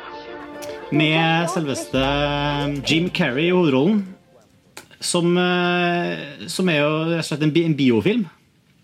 Om eh, en annen Kaufmann, Andy Kaufmann, komiker. Mm komiker. Bisarr komiker, ikke minst, eh, som er kjent for sine mange livsprosjekter egentlig som komiker. Mannen som gikk aldri ut av, han aldri gikk ut av Han gikk, gikk aldri ut av karakter. Eller det var sånn mann, mann som aldri klarte å plassere. Jeg, jeg setter den litt i samme kategori som den her Peter Sellers-biografifilmen. Som har Jeffrey Rush i hovedrollen. Men, eh, men eh, for meg så var det her en veldig sterk film. Da. Jeg husker at jeg ble veldig bevega av den, eh, den filmen. her Og Milos Forman har jo også lagd Amadeus, og han er, jo- han er jo flink på den sjangeren her. liksom Men den Jeg vet ikke om den er på noen av deres andre lister, men den har, Jo, jeg har syns den er veldig bra. altså Den er en veldig bra film, og jeg har den på lista mi over short Hva heter det? Shortlist. Shortlist ja. Ja, Den kom ikke på min topp fem, men det er morsomt at du nevner den også fordi det er en sånn type film som Det er jo ikke veldig mye kommersielt eh, ved Andy Kaufmans liv. Det er på en måte ikke Jeg er redd det er en sånn type film vi ikke ville sett gå i produksjon i dag. da Han er ikke noen stor artist som har en naturlig dramatisk narrativ over livet sitt. Han, han, en, han er jo egentlig i David Lynch-land, kan man si. Ja, altså, det, det, det, det som er pussig, er at jeg har jo i etterkant at jeg så den filmen, her, så har jeg gått og oppsøkt litt sånn materiale eh, av, eh, av Kaufman. Eksempel det legendariske David Letterman-opptredenen og litt sånne ting. Og det er mer interessant i eh, Jim Carrey, uh, Milos formanninnpakning, syns jeg, enn det er i real life. For, for å si det sånn. Så jeg setter liksom mer pris på bi- bi- biopikken om Andy Coffman kanskje enn jeg, enn jeg skjønner prosjektene som, som kunstner eh, på, sånn, på, på, på uavhengig basis. Da. Men ja. ja. Det er i hvert fall min, min nummer tre. Um, mm. Den representerer jo også en veldig viktig variasjon i filmåret 1999. da Fordi den har jo på mange måter mye komedie ved seg. Om ikke den er en komedie, det er den ikke. Det er vel mer drama, Men den har mye komedie ved seg. Og jeg så på listen min og, og savnet en del komedier. Ja, den er komedie, men, så, men samtidig er den trist da, på samme måte som den Peter. Sellers-filmen er trist. ikke sant? For det, han, er en, et, menneske som egentlig ikke passer inn. I, eh, ja. Så rørende, men, men, men komisk. Mm. Ja, Eirik. Din nummer tre. Nei, jeg har jo The Insider, da. På min tredjeplass. Michael Manns The Insider. Ja, Den har vi prata om. Ja. Men eh, det, det sier jo litt at den er på nummer tre hos Eirik. absolutt. Det er jo egentlig en mer sentral plassering enn min nummer fem. For å si det sånn da Det er den første filmen eh, som har vært på flere lister. Så langt. Ja, det er det. Jeg, jeg mistenker at det kommer til å bli flere av dem framover. Jeg tror vi nærmer oss. Ja, nå tror jeg det begynner å tenke Men- vi skal gjøre det hoppet. Vi nærmer, vi nærmer oss også, vi nærmer oss også kranglepunkter på den diskusjonen. Også. Karsten, din nummer tre. Ja, men Da følger jeg opp, jeg, fordi på min nummer tre så har jeg Magnolia. Ja. En film jeg selvfølgelig da like glad i som jeg uttrykte da vi snakket om den i stad. Eh, Jeg har ikke sånne store ting å legge til, men, men det er jo Det er jo dette Ja, vi, kommer tilbake til det. Men det er dette med disse regissørene altså, som får virkelig gjøre sin greie. Det syns jeg er eh, viktig, og det, det synliggjøres gjennom eh, også Michael Mann, for så vidt. Altså, og, og Ingmingella og ja, Paul Thomas Anderson. Det er Men, men mange. lyst til å føye til en ting der, fordi i Magnolias tilfelle så, og Paul Thomas Anderson så er det på godt og vondt. Eh, altså, den er ikke på mine topp fem av den grunnen at jeg syns at summen av delene er mye større enn helheten. Jeg syns den ramler fra hverandre er i, i enkelte partier. Den har, eh, den har um, uh, altså, den er liksom selvopptatt. Uh, den er, den, du må like Amy Mann sine sanger og hennes poesi. Uh, du må altså kjøpe en hel del. Og jeg synes at når den er bra, så er den best, men den er ikke alltid det. Eh, for meg. Den går litt over toppen eh, et par ganger. Altså. Selv om det var en sterk opplevelse å se den den gangen den kom, så sitter den ikke der i, i ryggmargen hos meg på samme måten. Bare for å temperere den eh, entusiasmen. Ja, men det er gyldig, det. altså. Ja. Jeg, jeg må si at jeg så den på nytt veldig nylig. i forbindelse Jeg så den faktisk på nytt, for jeg ville vurd- revurdere den i forbindelse med episoden her. Ja. Så jeg så den bare for noen par dager siden. Og jeg syns fortsatt den var veldig sterk, altså. Eh, Litt jeg, jeg skjønner hva du mener, Erik. Den er litt ujevn. Det er ikke alle sekvensene som, eh, som på en måte forsvarer seg, kanskje.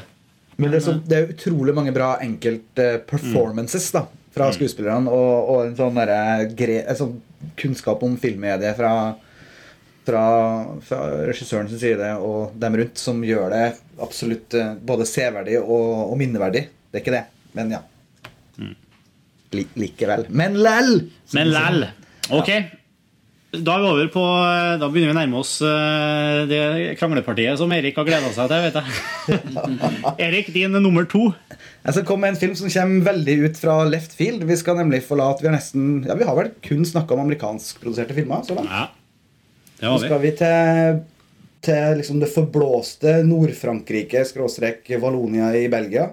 Vi skal til en film eh, som eh, ble vist eh, for det, det kullet jeg gikk på filmskolen sammen med da vi var helt fersk, den høsten 1999. En eh, film eh, som eh, det daværende redaktør i eh, Film og Kino, Kalle Løken, hadde under arma.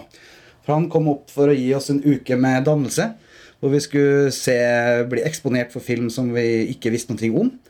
Eh, og eh, en av de filmene var Bruno Dumont sin eh, film 'L'Humanité'.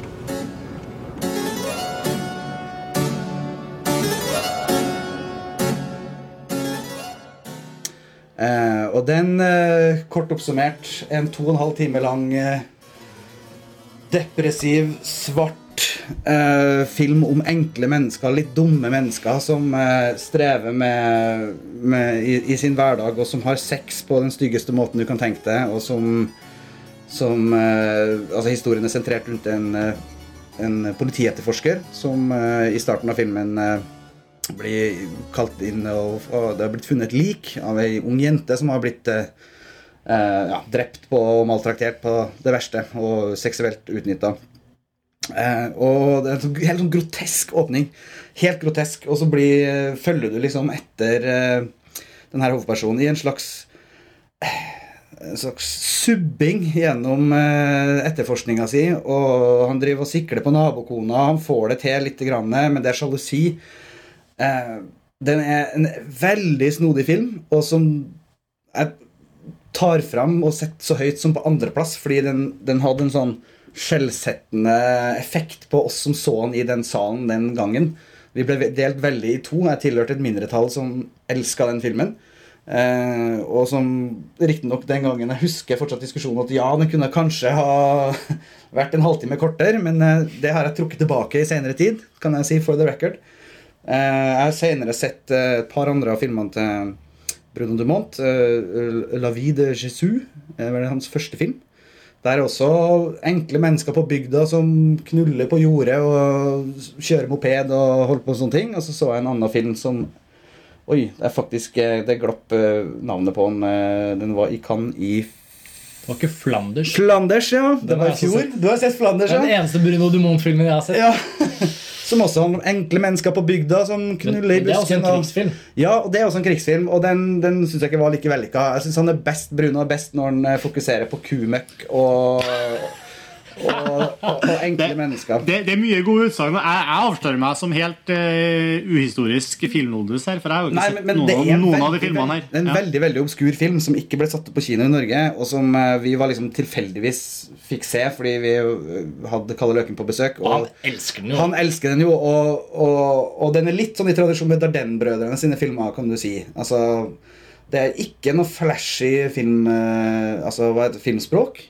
Eh, og det er veldig nedpå, og jorda er brun, og, og menneskene er dum, og det er liksom Det høres egentlig helt patetisk ut når man beskriver den. Det må ses. Den er dynamisk.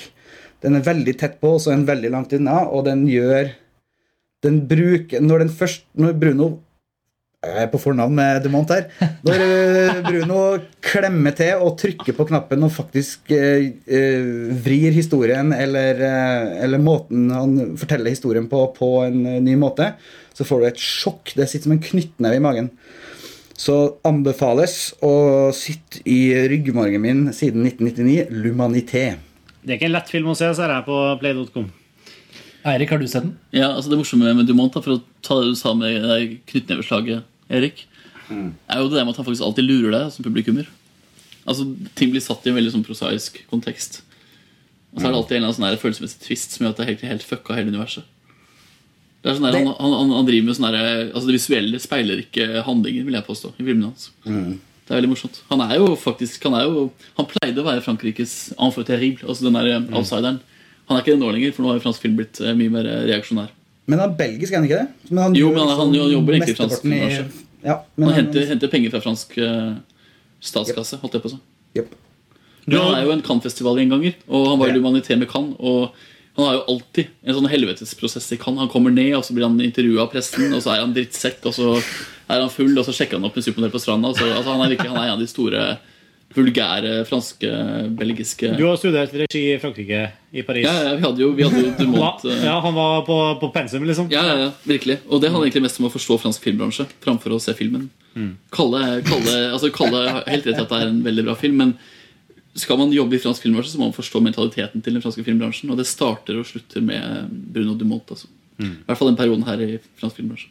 Wow, det er store utsagn. Men, men for meg så er det først og fremst en film som overrasker meg med sin emosjonelle kraft. Dette er en film som har ingen forutsetninger for å på en måte være interessert i eller lik ut fra tidligere historikk, og så kommer jeg til noe som er sakte, fransk, inneslutta, brutalt, eh, skittent, det lukter, de er dum Altså, alt er feil, da, i forhold til hva Tenk på liksom, hvilke filmer jeg har trukket fram ellers. Det er liksom på lista her så er det varme familiefilmer som Toy Story og varme hjertevarme historier som The Straight Story.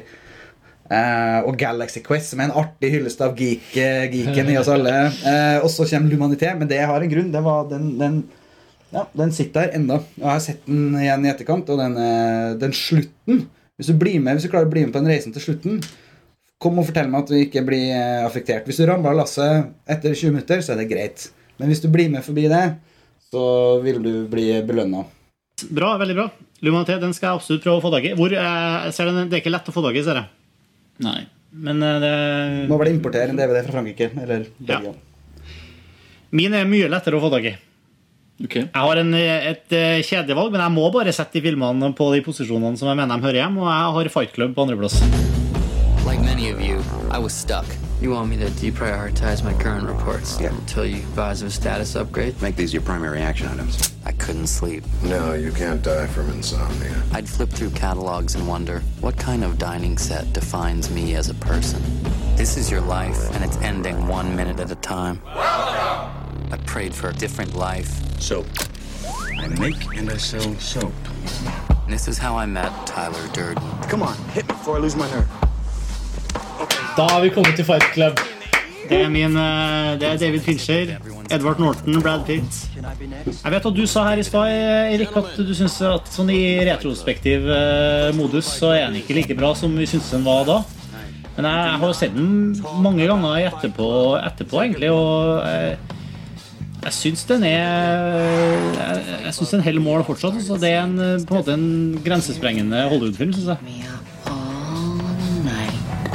She ruined everything. You're not into her, are you? No, God, not at all. We've all been raised on television to believe that one day we'd all be millionaires and movie gods. Kunne, kan jeg bare bryte inn og få- komme med et forslag? Kunne vi fått høre Kunne vi tatt en runde på første gangen man så Fight Club? Altså første opplevelsen av Fight Club Og så begynner med deg, Martin. Jeg husker ikke. Oi. Jeg har, jeg har, jeg har kanskje sett den bare Jeg har sett den fire-fem ganger, tror jeg. Jeg husker veldig godt Jeg husker ikke første gangen. Altså. Ja. Ja, fordi det, som Erik sier, altså, det er jo virkelig en film hvor jeg har inntrykk av at mange mange jeg kjenner som jeg snakket med om den filmen, spesielt husker første gang de så den. Jeg tror jeg så den på kino første gangen i, eh, i Australia. Det får vi håpe. Jeg var eh, Stopp å snakke nå. Når du mista, statusen for Kom igjen, Erik. Ja, jeg over på de andre. Ja, din tur. jeg, vet jeg, faktisk, jeg husker Fight Club fordi at det var den For å være litt pompøs, da. Det passer jo med en sånn film. Det, det Eh, er vi på Filmfrelst innimellom. ja, det var den dagen jeg lærte å holde kjeft, vil jeg påstå. Fordi jeg, jeg kan veldig mye om film, og jeg kan veldig mye om veldig mange sider av film. Tross alt. Jeg har en veldig mangefasettert utdanning i film. Jeg har sett veldig mye variert film. Jeg føler jeg kan veldig mye om film. Ikke sant? Det er både min forståelse av meg selv. Men så var jeg så på Fight Club, da gikk jeg på mellomfag eh, filmvitenskap og var midt oppi modernismeteorier og hadde så vidt begynt å lukte på postmodernisme og var veldig sånn teoretisk anlagt. Og så gikk jeg og så farklubb Fight sammen med min daværende nabo Kine, som sikkert hører på podkasten, og hennes nå eh, kjæreste Almir, som da var min filmkompis. Og jeg elska Club, eh, som jeg gjør i dag, eh, bare litt mer nyansert. Og vi gikk da et sted for å drikke øl, som het Lille Blå på Lillehammer, eh, og satt der og snakka. Og det endte opp at jeg begynte å krangle med samtlige personer rundt bordet, fordi jeg merka at jeg egentlig jeg snakka om filmen basert på det jeg hadde lært på skolen. Jeg om uh, filmen i forhold til de teoriene og alt mulig sånn. Jeg, var så, jeg, var så, altså, jeg hadde endelig sett en film da, som handla nøyaktig om det jeg lærte om på skolen. Når jeg satt på høyskolen og lærte om teori, så var Fight Club de teoriene. ikke sant? Og da fikk jeg så tydelige signaler fra, fra at shit, ikke, sånn, la oss nå snakke om eh, underholdningsaspektet. La oss nå snakke om actionaspektet. Men det, det var aldri det som var til meg. Nei, nei, og da gikk jo jeg eh, rett og slett i konflikt med samtlige mennesker rundt bordet. Det har vært ganske mange som var på den diskusjonen. Fordi jeg ville jo snakke om det som handla om de dyptpløyende elementene i Fight Club. Men så, det fikk jo ikke jeg lov til, så den dagen så lærte jeg faktisk å holde litt kjeft. Da lærte jeg faktisk å tilpasse meg litt til hvem man er med. Og det er jo en forståelse som alle mennesker gjør i løpet av livet. Alle mennesker lærer seg når de skal snakke og ikke snakke. Jeg tror aldri jeg prata med noen om Fight Club. Nei. Jeg har- jeg har- fordi, fordi regelen sier 'you do not talk about Fight Club'. så mitt, mitt forrige Fight Club er basert på at jeg, jeg så en film som vekka til live teorier som jeg ikke hadde sett liv i før. Rett og slett Men som jeg opplevde at jeg ikke kunne snakke om. Fordi jeg var, fortsatt da så hadde jeg på en måte ikke noe sted å kunne snakke om de tingene her da, hvor, hvor det ble akseptert for å være veldig pompøs. Som sagt Men, men det som gjør den så bra, er at den, den har Altså, den har det, det er noen filmer som har sånn magi at de, de har mainstream, veldig bred appell, samtidig som de har den derre De har eh, noen ekstra dimensjoner som gjør at de funker på så mange flere nivåer enn å være, eh, enn å være mainstream-filmer, liksom. Og der føler jeg liksom at, at Club Og skårer fortsatt, egentlig, eh, som, som, som en av de. Og jeg, jeg er ikke noen sånn David Fincher-forguder. Jeg syns eh, Zodiac eh, jeg, jeg har alltid syntes var en gørrkjedelig film. Jeg så den nylig òg. For jeg, jeg hørte jeg, liksom, jeg, Hva er det jeg ikke ser i, i Zodiac? Liksom? Jeg så det ikke igjen. Jeg, jeg klarte ikke å se det når jeg eller, så den på nytt heller. nå. Men, eh, men, eh, men Fight Club eh, har det, liksom.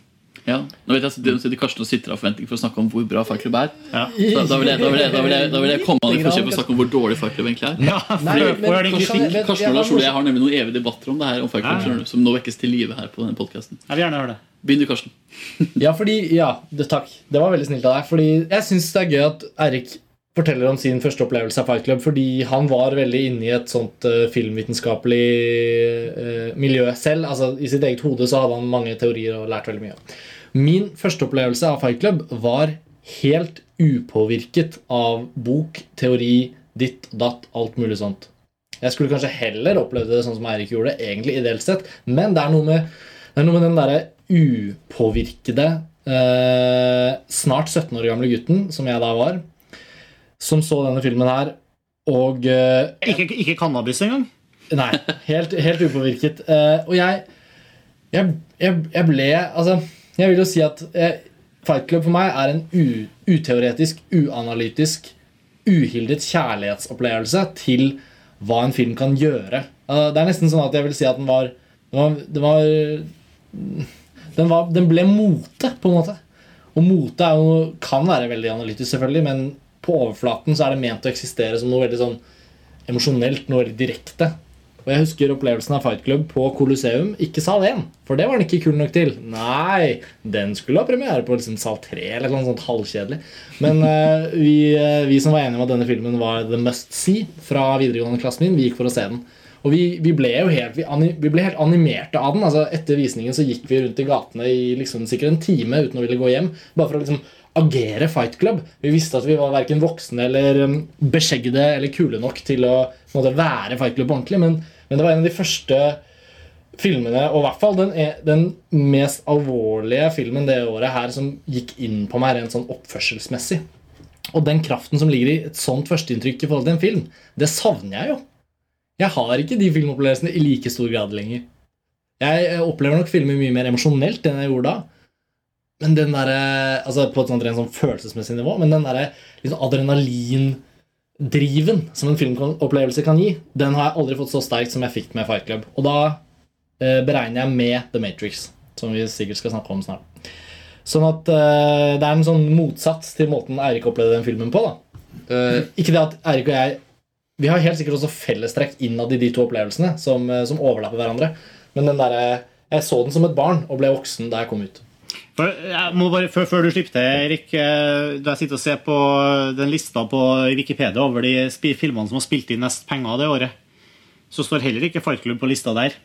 Nei, men Fight Club var var jo faktisk en liten flopp i USA. Den Mm. spilte mm. En 30 mil- kjempeflopp. Ja.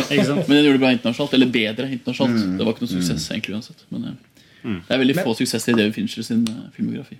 Da må jeg nesten følge opp med hvordan jeg så Fight Club første gangen. Fordi eh, det kan også samtidig avsløres at det er min nummer én fra 1999. Oi, Oi ok Eh, Karsten sa ting veldig sånn som eh, Veldig godt artikulert, det jeg egentlig har tenkt å si òg. Det å komme inn som et barn og gå ut voksen, det syns jeg det, det, det, Ja, men eh, Og det har faktisk sammenheng med at som min nummer to, L'Humanité, så ble også Fight Club vist for oss på filmskolen på den, i den første måneden vi gikk eh, der, i 1999.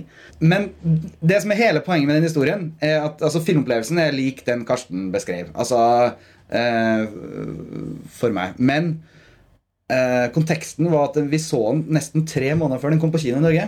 Så det var ingen, vi visste ingenting, og han sa ikke noe om hvilke filmer han skulle vise. når han viste programmet sitt. Han var der for å gi oss dannelse ved å vise oss ting vi ikke var forberedt på. Og så kommer David Fincher med, med Fight Club. Eh, og, og, og den opplevelsen av hva som går an med film. For, altså Hvordan du kan jobbe med form for å få levert et innhold. Hvordan du kan eh, jobbe poetisk og eh, kontrastfylt og humoristisk og actionfylt og dramatisk. Og alt eh, i en sånn enorm mølje, det, det, det står der eh, som en av eh, Ja, kanskje altså en av liksom topp fem filmopplevelser noensinne. Å se The Fight Club i den lille kinoen her. Så bare fra åpningssekvensen, liksom, hvor du, du, er liksom, du vet at det er en cerebral film, liksom. Fordi, fordi det, du, du dukker inn i Du dukker inn i, inn i hjernen. Og den er en generasjonsfilm, føler jeg. Jeg, jeg tror liksom på at den, eh, den snakka til oss. Mm. Det er sikkert flere generasjoner som kanskje Som er folk som både yngre og eldre enn eh, oss, eh, følte det samme. Men den, den oppleves som den snakker til en generasjon som, eh, som er desillusjonert over eh, verden de har rundt seg, og som og, og i vise skildrer en fyr som er fullstendig disassosiert med alt, inklusive seg sjøl. Um, og det er jo en opprørsfilm. Ja, og knusende revolusjonær, opprørsk, antikapitalisme og i det hele tatt. Men kan vi også si at dette er den, den mest 1999-aktige filmen av de vi har snakket om? For den er liksom 1999. To år senere så skjer det 11. september. Filmen kan aldri bli laget. Kan, kunne ikke blitt laget i dag, kommer aldri til å kunne bli laget, men den kunne bli laget akkurat da. Og den var 1999. liksom Den var slutten på Clinton. Den var liksom 90-tallet, oppsummeringen av 90-tallet. Visst, Ingen visste helt. Alt var litt sånn Faen, hva er det vi driver med? Ja. Det er veldig sant. Nå er det jo veldig betimelig da å høre- hvorfor Eirik ikke setter den på topp fem-lista si. Du, har, jeg vet, du skal ikke slakte filmen, for du liker den jo, men eh, du, har, du, er, du, er, til, du er litt mer nyansert enn Nei, eh, men- nei, altså jeg har jo, jeg har jo akkurat samme Kanskje ikke hver barn blir voksen, men kanskje være student og forstå hva ting handler om. På en måte, Kanskje. Men Oi, det er, det er veldig mye å fortelle. men i kjernen i det handler om at nettopp fordi at Fight Club er sånn 1999, så har Fight Club per i dag veldig liten relevans. da Det er hovedinnvendingen min. Pluss at den rent visuelt så er den veldig utdatert. Og jeg vet det er veldig feil å si det, fordi en film skal være produkt av sin samtid. og bla bla bla alt det her Men fordi David Fincher bruker så mye animasjon eller så mye spesialeffekter, spesielt i åpningen, så føles den rett og slett litt teit og litt goofy når man ser den i dag. Eh, og det verste jeg kan se, og si, si, og det er som å banne i kjerka og Jeg har hatt mange samtaler med Lars Ole og Karsten om Fight Club, hvor jeg har sagt at per i dag så er den faktisk litt kjedelig. Den er, den er litt, litt bitt av tidens tann. da Er ikke det man sier? Tann tidens, jo. Eh, den er, den er litt, litt for utdratt, den er litt for kjedelig, den er litt for satt i sin egen samtid. Den er litt for uh, visuell, så er den utdatert, bla, bla, bla, osv. Musikkbruken er veldig 1999. Men samtidig, som jeg sa, hvis jeg skulle sett på filmene sånn som da de kom da, så hadde det vært motivasjon nok til å sette den på førsteplass. For det var jo den som virkelig filmen som tok temperaturen på 1999. Ikke sant? Alt det som Karsten sa og, og, og Erik. Men hvis man skal se tilbake på filmhistorie, så må man jo på en måte se litt på hva som var etterdønningene, hva som skjedde, og den har påvirka veldig mye. Men per i dag så føles den litt, liksom litt, eh, litt tam, rett og slett. Og det handler veldig mye om at selvfølgelig at den var eksplosiv når den kom. Og så ser jeg den nå, ti år senere, og da føles den litt tafatt. Eh, Jeg, jeg synes det er veldig interessant jeg, liker, jeg, jeg er veldig glad for de perspektivene jeg gir meg på filmen. Og det, det, det, spores litt tilbake til en samtale vi hadde sammen for en måneds tid tilbake. Fordi uh, og jeg tok til og med opp dette på Twitter og spurte hva, hva syns folk egentlig om Twi- Fight Club nå. Hva det, har dere sett den på en stund? Fordi mitt forhold til Fight Club er litt også preget av at jeg har ikke sett den på noen år. Jeg har faktisk ikke sett den på noen år. Og jeg er nå utrolig spent. Det er nesten så jeg vegrer meg for å se den igjen. Fordi jeg forstår veldig godt Eirik sine synspunkter òg. For jeg, nå får jeg jo litt behov for å nyansere meg selv noe. Jeg er nemlig veldig spent på neste gang jeg skal se Fight Club. Jeg er skikkelig spent. Men du føler at den er litt utdatert, rett og slett? Jeg? Jeg, altså, det som er spennende med Fight Club, er at den sporer jo faktisk an til en, en film som kommer senere, altså filmer som kommer senere som handler om mannsrollen. Altså virkelig, Den er jo kanskje den første filmen som begynner å tematisere mannsrollen. Fordi jeg er ikke helt enig med Erik og Karsten at når man går og ser den, så kjenner man seg igjen som person. Jeg vil si at man faktisk må kjenne seg igjen som mann. da. Det er det det handler om. Hvis man skal være litt teoretisk og litt perspektivmessig på den historisk, så handler det her en film som handler om en mann som er desperat, en mann som er fullstendig utenfor det samfunnet han skal være en del av, og som dermed finner opp et alter ego, som er mye mer vellykka. Og det er jo en type tematikk som har, gjennomgått hele 2000-tallet. Virkelig. Og det her er kanskje en av de første. da. Og så kommer American Beauty, ikke sant? og så kommer The Matrix, som handler mye av det samme. da. Og Club er kanskje den mest uh, vellykka sånn sett. Men altså, nå har jo Karsten nyansert seg, så nå må jeg få nyansere meg også. Jeg synes litt av, litt av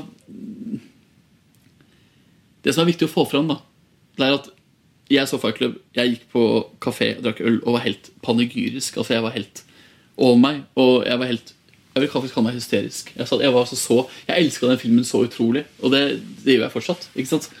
Uh, jeg, altså, jeg, jeg, var, jeg satt på internett og fulgte samtalene om eh, Oscar-nominasjoner og box office. Altså, jeg, jeg var tidlig ute med den her, alt det der som vi holdt med i dag. på montasje. Da holdt jeg på med i 99 også.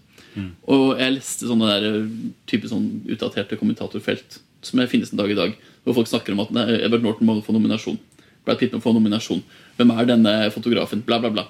Alt det følte jeg. liksom jeg kunne alt om Fight Club. Altså virkelig alt liksom og jeg, satt med, jeg, så, jeg fikk den på VHS og satt og pausa og så på stillbilder. Og jeg skrev ut stillbilder fra filmene som jeg hadde på, en måte på veggen. Altså Jeg var virkelig helt i skyene.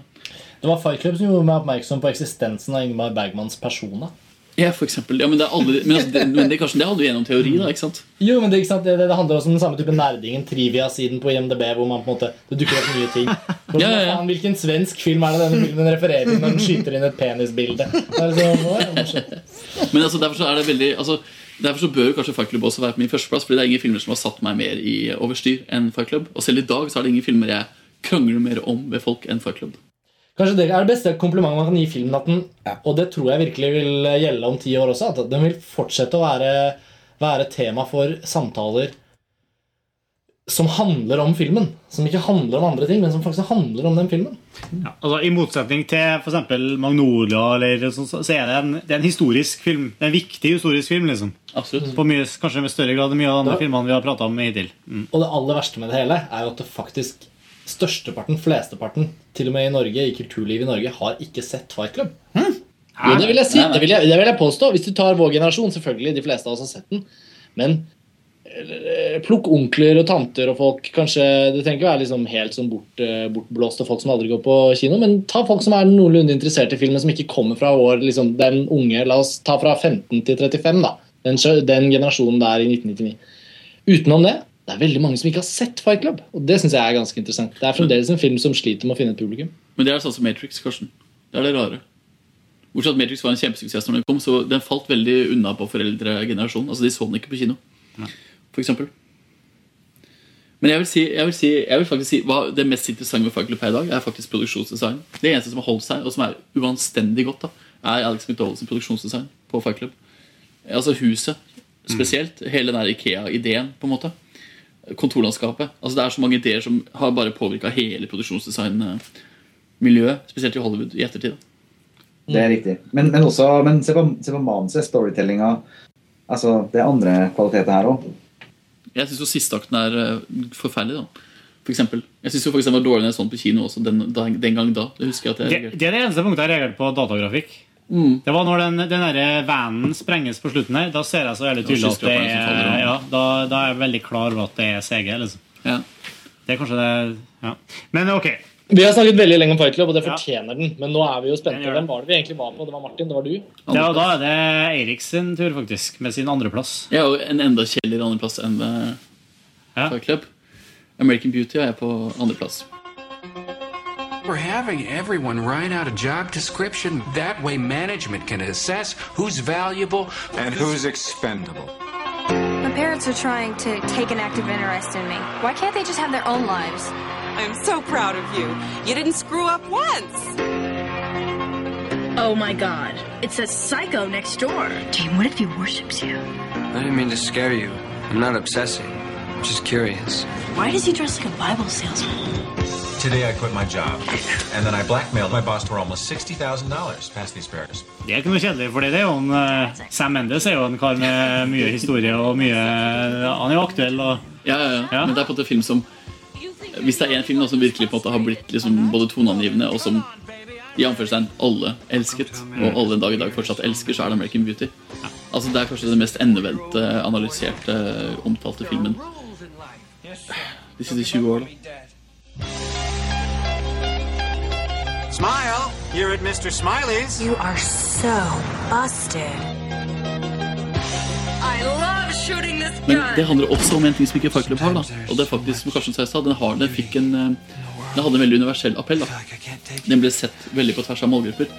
Uh, derfor var det den filmen som fikk nemlig den der funksjonen om at den handler om den depressive mannen og den uh, mannen som må reise seg og finne på noe nytt. Altså hele den tematikken som lå i 99-2000 overgangen. Så var det American Beauty som fikk æren for å være den filmen, og spesielt da fordi Kevin Spacey Men jeg, jeg følte ikke at det handla bare om mannen. da Det handla om hele den forstads... Uh, amerikanske drømmen-tematikken. Jo, jo, ja, men det handler om masse. Herregud, Det er det som er problemet. Altså, American Beauty handler om utrolig mye. Det er altså en tenårings... Uh, Det er ikke det er ikke Kevin Spacey på hovedrollen, liksom, men det er jo det kunne likevel gjerne vært fortalt fra Annette Benning sitt Ja, men det, det tror jeg nemlig ikke. Det tror tror du ikke det? Nei? Nei. Jeg tror faktisk at den, den eneste drivende kraften av American Beauty er Kevin Spacey sin karakter. Alle de andre karakterene sentrerer rundt Kevin Spacey som hovedperson. da Hvis du tar bort han, så har du ingen Annette Benning-karakter. Tar du bort han, så har du ingen uh, Nei, men- datter eller uh, nabo. Men, men, men i, med, i perspektiv av tema så kunne jeg tror like godt tema kunne vært fokusert rundt hun da Ja, men da, da vil jeg påstå at det hadde vært en annen film, selvfølgelig, Storm, men- for eksempel ja. Ang Lee. Da er Som er en film som sjonglerer karakterer mye mer eh, nyansert. Da, hvor alle karakterene har sitt eget univers. Men jeg vil si at ta bort American Beauty, så har du ikke denne nabomannen for eksempel, som oppdager hvem han egentlig er pga. Kevin Spacey. Du har ikke denne seksuelt frustrerte Nei. kona som må gå et annet sted fordi Kevin Spacey ikke gir det hun vil ha. Altså, Du Nei. har ikke de karakterene. Men, men jeg, skjønner at Annette Benning ikke ville ha pumpa jern i garasjen og sånn, men, men liksom, det, liksom den derre Det er jo den der misfit-greia. Altså den derre formeltilværelsen eh, Den derre misfitte forstadstilværelsen liksom, som Jeg bare, men, altså, men noe av grunnen til at jeg har en American det, det er jo veldig likt Fight Club, sånn sett. Som at de gjør det samme. Ja. Men Fight Club handler jo om en person som passerer veldig mange karakterer, og som faktisk eh, nesten ikke påvirker de. Altså Han påvirker eh, Helena Bonham Carter sin karakter, eksempel. Men American Beauty handler om en altså, Gå tilbake til kjernen din her, da. Den er på andreplass fordi det er faktisk for meg så er det her den, kanskje den perfekte karakter. da Denne hovedpersonen i American Beauty i forhold til manus, i forhold til å lage en film. Fordi alle karakterene så til de grader er styrt og sentrert og trigga av Kevin Spacey sin karakter. da Altså Hvis du går inn og ser på manusstrukturen i American Beauty, så er det, er det altså Ingen av karakterene kan ha noen utvikling uten at Kevin Spacey står der og, og setter i gang prosessen. Da. Derfor så Jeg er ikke helt enig med at den er så om, omgjengelig som det mange mener. Da. Jeg mener at det er, det er en karakterstudie, først og fremst. American Beauty Og så kan man snakke om at det er en tenåringskrisefilm, og det er en eh, ekteskapskrise og en forstadsfilm. Og et homoerotisk eh, drama. Og det er masse liksom, i American Beauty. Men i kjernen så er det én person, og det er Kevin Spacey sin karakter. Står den på noen av deres lister? Nei, den gjør ikke det. Jeg, jeg, jeg har ikke mange gode argumenter, fordi det er veldig bare rent sånn personlig. Jeg likte American Beauty kjempegodt da den kom. Jeg liker den veldig godt nå. Men for meg har den filmen blitt mindre betydningsfull. da.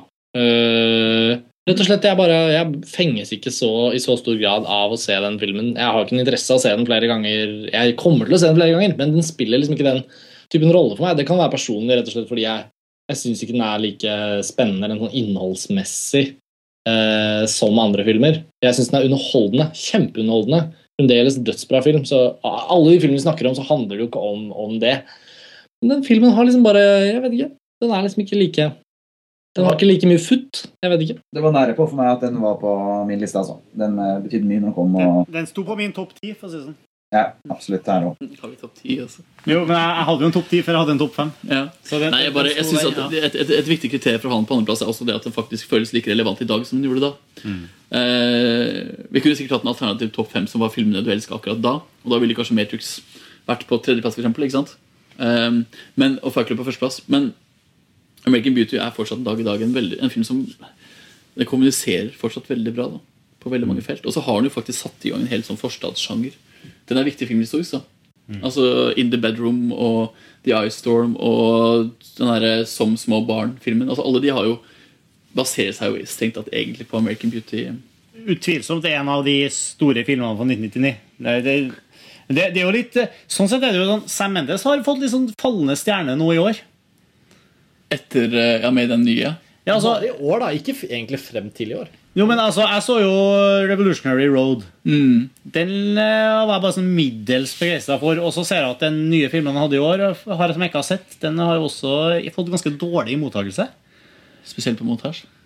Ja, men nei, ikke spesielt ellers òg. Hva, hva heter den? Away Eh, We Go. Away We Go. Ja.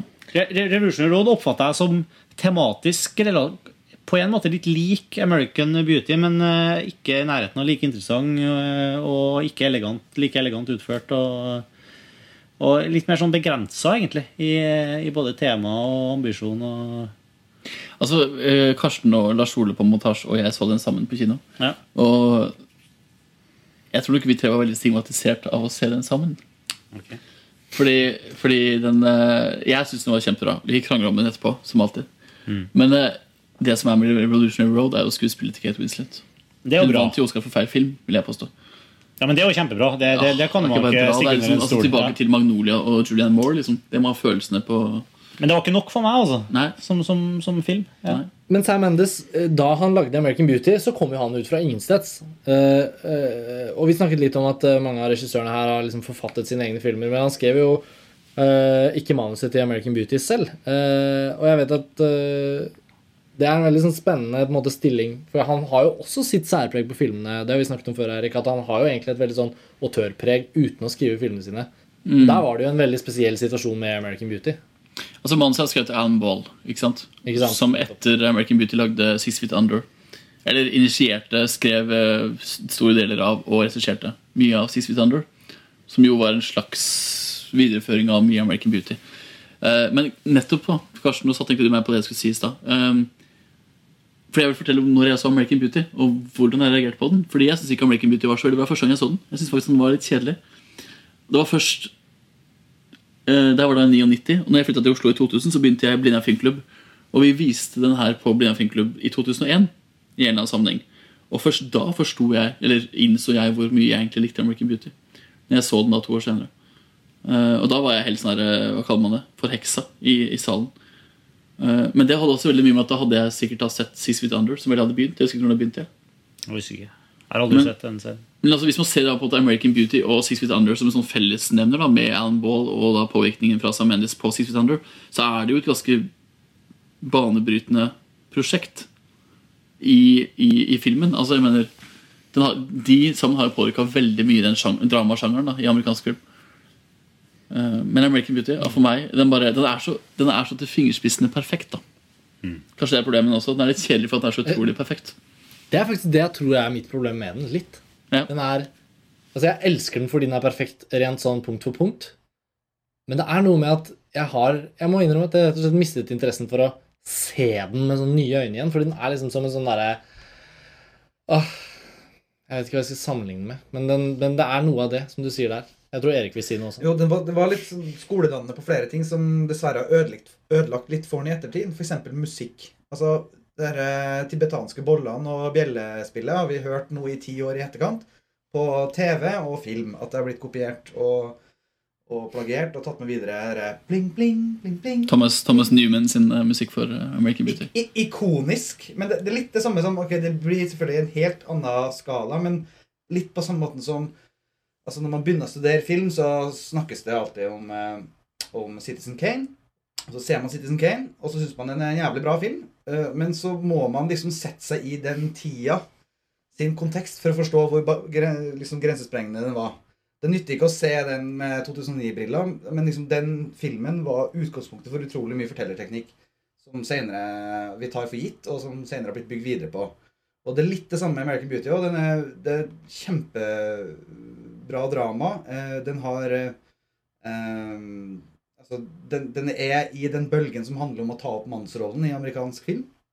Og en del sånne ting. Og så har det liksom blitt spunnet videre på og spunnet videre på og, av, av, andre. Og, og, det gjør at opprinnelsen til det, den, den, den faller litt med tida. Tror jeg. Ja. Mm. Ja. Nei, men uh, absolutt ikke noe ufilm uansett å ha på sin, uh, ha på sin andreplass. Nei, nei, nei, nei, nei. Vi kommer jo tilbake til det nok en gang. 1999 er jo et helt hysterisk år. Ja. Yes, uh, men da, vi, da, går vi også over til deg, Karsten. Hva er din ja. andre beste film for 1999? ja, altså Vi har jo snakket lenge, akkurat for en film siden, om den filmen som topper min liste. Så det blir ikke like spennende. Så derfor er det mer spennende den filmen jeg skal nevne nå, for den har vi ikke snakket om ennå, men den er vel kanskje den filmen fra 1999 som preget tiåret som fulgte, og egentlig på alle måter er liksom den store oppdagelsen fra 1999. Og det er selvfølgelig The Matrix. Have you ever had a dream, Neo, that you were so sure was real? What if you were unable to wake from that dream? How would you know the difference between the dream world and the real world? What is happening to me? The answer is out there, Neo. It's the question that drives us. What is the Matrix? The Matrix is the world that has been pulled over your uh, Jeg har den på nummer to fordi Fight Club, som jeg sa i stad, er min liksom Det var den filmen som bare gjorde meg helt blad. Har du, har du også Fight på nummer én? Jeg har Fight på nummer én. Du og Erik. Ja. Så det er hyggelig. Det hadde vi ikke snakket om på forhånd. Uh, men uh, uh, ja, The Matrix, hva skal man si?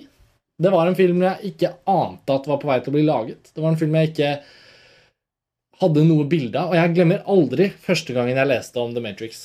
Det var i Aftenposten. På papir det formatet som er på vei til å dø ut i nyhetsformidling. Jeg bladde opp i Aftenposten Aften, tror jeg det var, eh, i Oslo.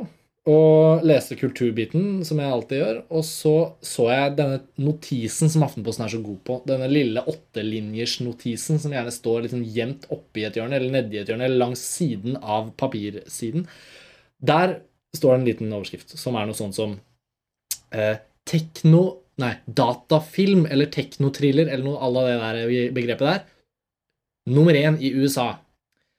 Uh, uventet suksess for datatrilleren The Matrix. Og nå leser jeg The Matrix litt i den forstand at jeg hadde aldri hørt ordet Matrix Matrix før jeg leste det da. Uh, uh, uventet nok toppfilmen som dere det. Keanu Reeves i hovedrollen. Eh, jeg tror ikke de nevnte navnet på regissøren engang, for det var jo ikke noe notisskribenten i Aftenposten visste noen ting om. Men den var altså toppfilm i USA. Og jeg noterte meg det, for jeg tenkte sånn datatriller-toppfilm ja, Det høres jo litt ut som en film jeg har lyst til å se. Og så tenkte jeg ikke noe mer over det. Og så gikk jeg på kino sikkert kanskje da jeg så Phantom Menace, muligens. altså. Eller en av, disse, en av disse store filmene som kom på kino like etterpå. Så så jeg traileren til The Matrix. Eh, jeg var ganske nettvant da, men jeg hadde ikke sett den traileren på nettet. Den så jeg først på kino. Og det Selv om jeg liker å se trailere på nettet nå, eh, når de kommer, så er det jo noe spesielt med å se en trailer for første gang på kino før en film. Og den traileren gjorde jo at den filmen jeg så, var ekstremt forglemmelig. Jeg husker jo ikke hvilken film det var helt precis men det var en av disse storfilmene som kommer. Kanskje det var Mumien. ikke sant? En av de der sommerfilmene som kom. Notting Hill. Som skulle være den største. Hill, skulle, et eller annet som skulle være mye mer spennende enn The Matrix. Men traileren til The Matrix gjorde meg jo helt frenetisk.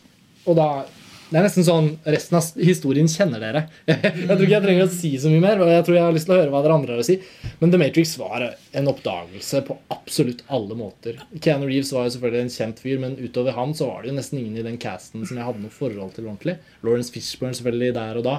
Effekter jeg aldri hadde sett maken til. Eh, et univers, et manus, ideer, filosofiske eh, refleksjoner som jeg ikke hadde vært borti engang i livet mitt.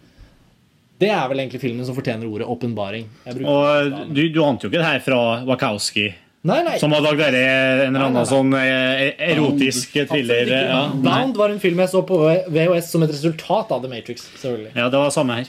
Ja. Jeg, jeg må jo innrømme at jeg, hadde, jeg bodde jo i Australia det året. Og eh, jeg visste jo om The Matrix mer enn kanskje du gjorde, åpenbart, for den ble jo filma i Sydney. Og eh, med, jeg gikk jo og tok eh, skript, eh, altså manuseksamener og lagde kortfilmer sånn det året. Og liksom læreren min hadde vært på settet til The Matrix og skrøt mye av det. Og det var, så jeg, jeg fikk en del input om den filmen før den kom på kino. Så jeg var, jeg var litt forberedt på at det her var noe stort. liksom Men jeg, Og eh, Matrix er jo også min førsteplass eh, på topp fem-lista. Og av mye av de akkurat de samme årsakene som du nevner, Karsten. Men, mm. men det var også en film som jeg så i hvert fall tre eller fire ganger på, på kino det året. Ja, lett samme ja, det var liksom Det var en helt revolusjon. Også. ikke minst for at eh, det er jo min soleklare altså jeg er jo Science fiction-sjangeren er jo på en måte min uh, favorittsjanger i utgangspunktet. Og her hadde vi en film som uh, som, som liksom spilte på så mange strenger samtidig at uh, det er jo egentlig ikke noe vits å forklare The Matrix. For, altså Alle kjenner jo The Matrix, liksom, men det, det var den store 1999-filmen. Martin har 1999-filmen. skrevet en fantastisk sak på montasje om Matrix, som vi må nevne. Ja, og litt av poenget med den saken var jo nettopp at jeg satte jo veldig pris på ett oppfølgerne også. Og det var det jo veldig mange som ikke gjorde.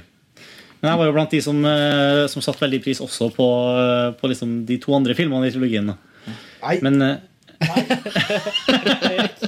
du fra bakbenken. Vi kommer til å, vise til å slåss neste gang vi møtes, Martin. Nei, men du vet jo det. Men det jeg skulle si var, Gå inn og les Martins sak om Matrix på montasje. Det er en veldig fin sak, altså. Veldig, og den vil vel egentlig også være en positiv faktor i opplevelsen av oppfølgerne. Selv for oss som ikke satte så pris på de filmene. Så ikke satt pris på. Det var jo makkverk. Ja, det var helt, helt jævlig. Erik, hva syns du om originalen? Originalen er jo ikke på min topp fem-liste. Eh, Men jeg tror den eh, ikke liksom det er litt sånn av indignasjon over å men- Re revisjonistisk uh, topp fem-liste jeg her. skal ikke, jeg skal ikke men, men hvis vi ser bort ifra det, så er det også en annen grunn. Og det er at jeg så den uh, sist i gjengen. på en måte. Jeg var den siste etter at hypen hadde kommet. Alle snakka om den. Og snakka han opp og snakka han opp, og snakka han opp. Og så går jeg og ser den liksom helt på slutten av kinoløpet av en eller annen grunn. Jeg vet ikke hvorfor jeg ikke liksom sprang til kinoen med en gang den kom, men det gjorde jeg altså ikke. Eh, og så ser jeg den, og da var det liksom umulig å ikke bli litt skuffa. Ut ifra hvor eh, liksom, panegyrisk er blitt omtalt av, av, av alle rundt. Og det er liksom en sånn Det er en effekt som gjelder nesten uansett hvilken film vi snakker om.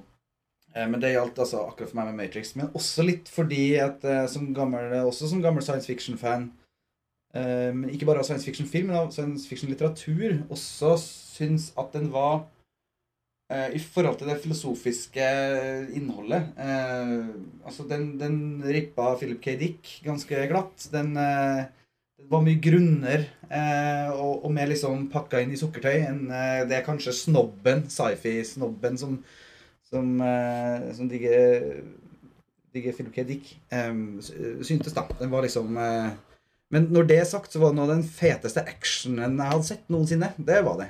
Altså, men jeg syns liksom Det ble ikke stående. Eh, det er også liksom blitt gjort om igjen av andre og bygd videre på og videreutvikla. Men det var liksom i 1999 så var det feteste actionen som jeg noensinne hadde sett på kino. Nesten. Eh, det var det. Men når jeg ikke fikk den derre følelsen av å, wow, liksom, å, så dypt mm, Tenk om verden er liksom bare en konstruksjon og en drøm og inni en drøm og Altså, hello, det der har vi liksom eh, Vi som har lest eh, science fiction før, vi vet det der fra før. Så det var, men det er liksom snobben i meg som snakker, da. Men Det virker som du har diametralt forskjellige opplevelser av Fight Club og The Matrix. da At Du, var, du fikk se Fight Club uten å vite noen ting. Ingen Yes. hadde fortalt Ja, men deg om akkurat hva det. som skjer på Og jeg tror slutten. Bla, verden bla, ville bla, ha alt blitt det. nesten omvendt hvis det hadde vært omvendt. For at, for at, jeg syns jo Fight Club og Matrix er ganske lik på det, akkurat på den måten de angriper pu- publikum på. Og hvis jeg hadde liksom vært en blodfan av eh, Palahniuk eh, eller noe sånt i, før jeg så Fight Club, så hadde det kanskje også vært sånn derre Ja, nei, filmen her er en forflatning og bla, bla, bla. Det kan godt være. Hvem vet? Men det liksom Det er rett og slett så enkelt at man er menneske. og Når man møter en film, og er man, så er man farga av eh, omtalen man har fått med seg av andre og sånn. Eller eventuelt ikke, hvis man er så heldig å få se ting helt sånn rått. Og som, eh, som nyfødt. Det, det, en, en ting som slo meg altså Jeg jeg er jo eh, jeg, Uten at vi skal slåss, Erik, men eh, så, ba, bare, bare, bare for å hoppe over til et litt sånn relatert tema. Jeg, jeg så jo nylig Directors Cut av Dark City. Ja. Alex Proja sin film fra 1998. Og det, det, er, og det er året før selvfølgelig Matrix kom. Den slekter ikke Altså Matrix eh, skylder Dark City en del, ikke bare tematisk, men også visuelt. Altså. Masse. Det er veldig Ja, mange men- liker ja, ja. som jeg ikke var klar over egentlig før jeg så Dark City igjen nå nylig. Mm, Men det, er for meg jo veldig mitt forhold til Matrix. Fordi Jeg er heller ikke Matrix på topp fem. Det er ikke engang på topp ti hos meg. Matrix eh, Og det er også en ting som Karsten og jeg krangla om mange ganger. Om akkurat om The Matrix Men det handler om at faktisk jeg er tilbøyelig til å være helt enig med Erik. Altså, fordi jeg hadde ikke sett trailere, og jeg hadde heller ikke lest filmen før jeg så den på kino. Jeg tror jeg var med en eller kamerat på The Matrix, bare sånn, nesten, nesten tatt med. da På en måte, Veldig rart, men jeg var liksom fullstendig jomfruelig i forhold til Matrix. Satte meg ned, og jeg husker at jeg mista fullstendig bare kontrollen over meg selv når uh, det shotet hvor twi Twin Trinity hopper opp og kamera panner rundt og alt det der. Da bare altså, Det ser for jeg, sorry, jeg, bare, jeg, jeg ser for meg du som mister kontrollen. over deg selv.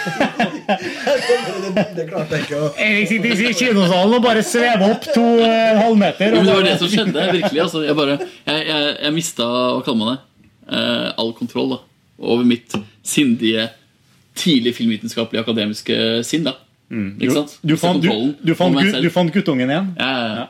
Nei, ikke guttungen. Jeg fant bare en eller annen lidenskapelig filminteressert som virkelig hadde sett noe helt nytt. da men, men det var det ene shotet. Men filmen som sin helhet Så var den jo veldig stor akkurat her da, men den falt veldig fort for meg. Altså Den, den ble ikke værende på liksom, netthinnen min i år 2000. på en måte Den var, den var ikke glemt, selvfølgelig, for den verserte jo i Empire.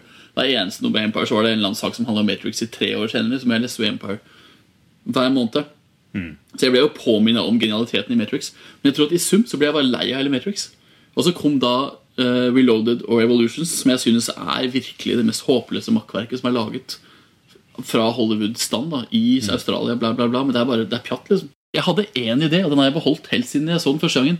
Og det er at Hvis de følger opp det her liksom med to filmer til, hvis de fortsetter historien like bra, så kommer det her til å være et mesterverk for meg.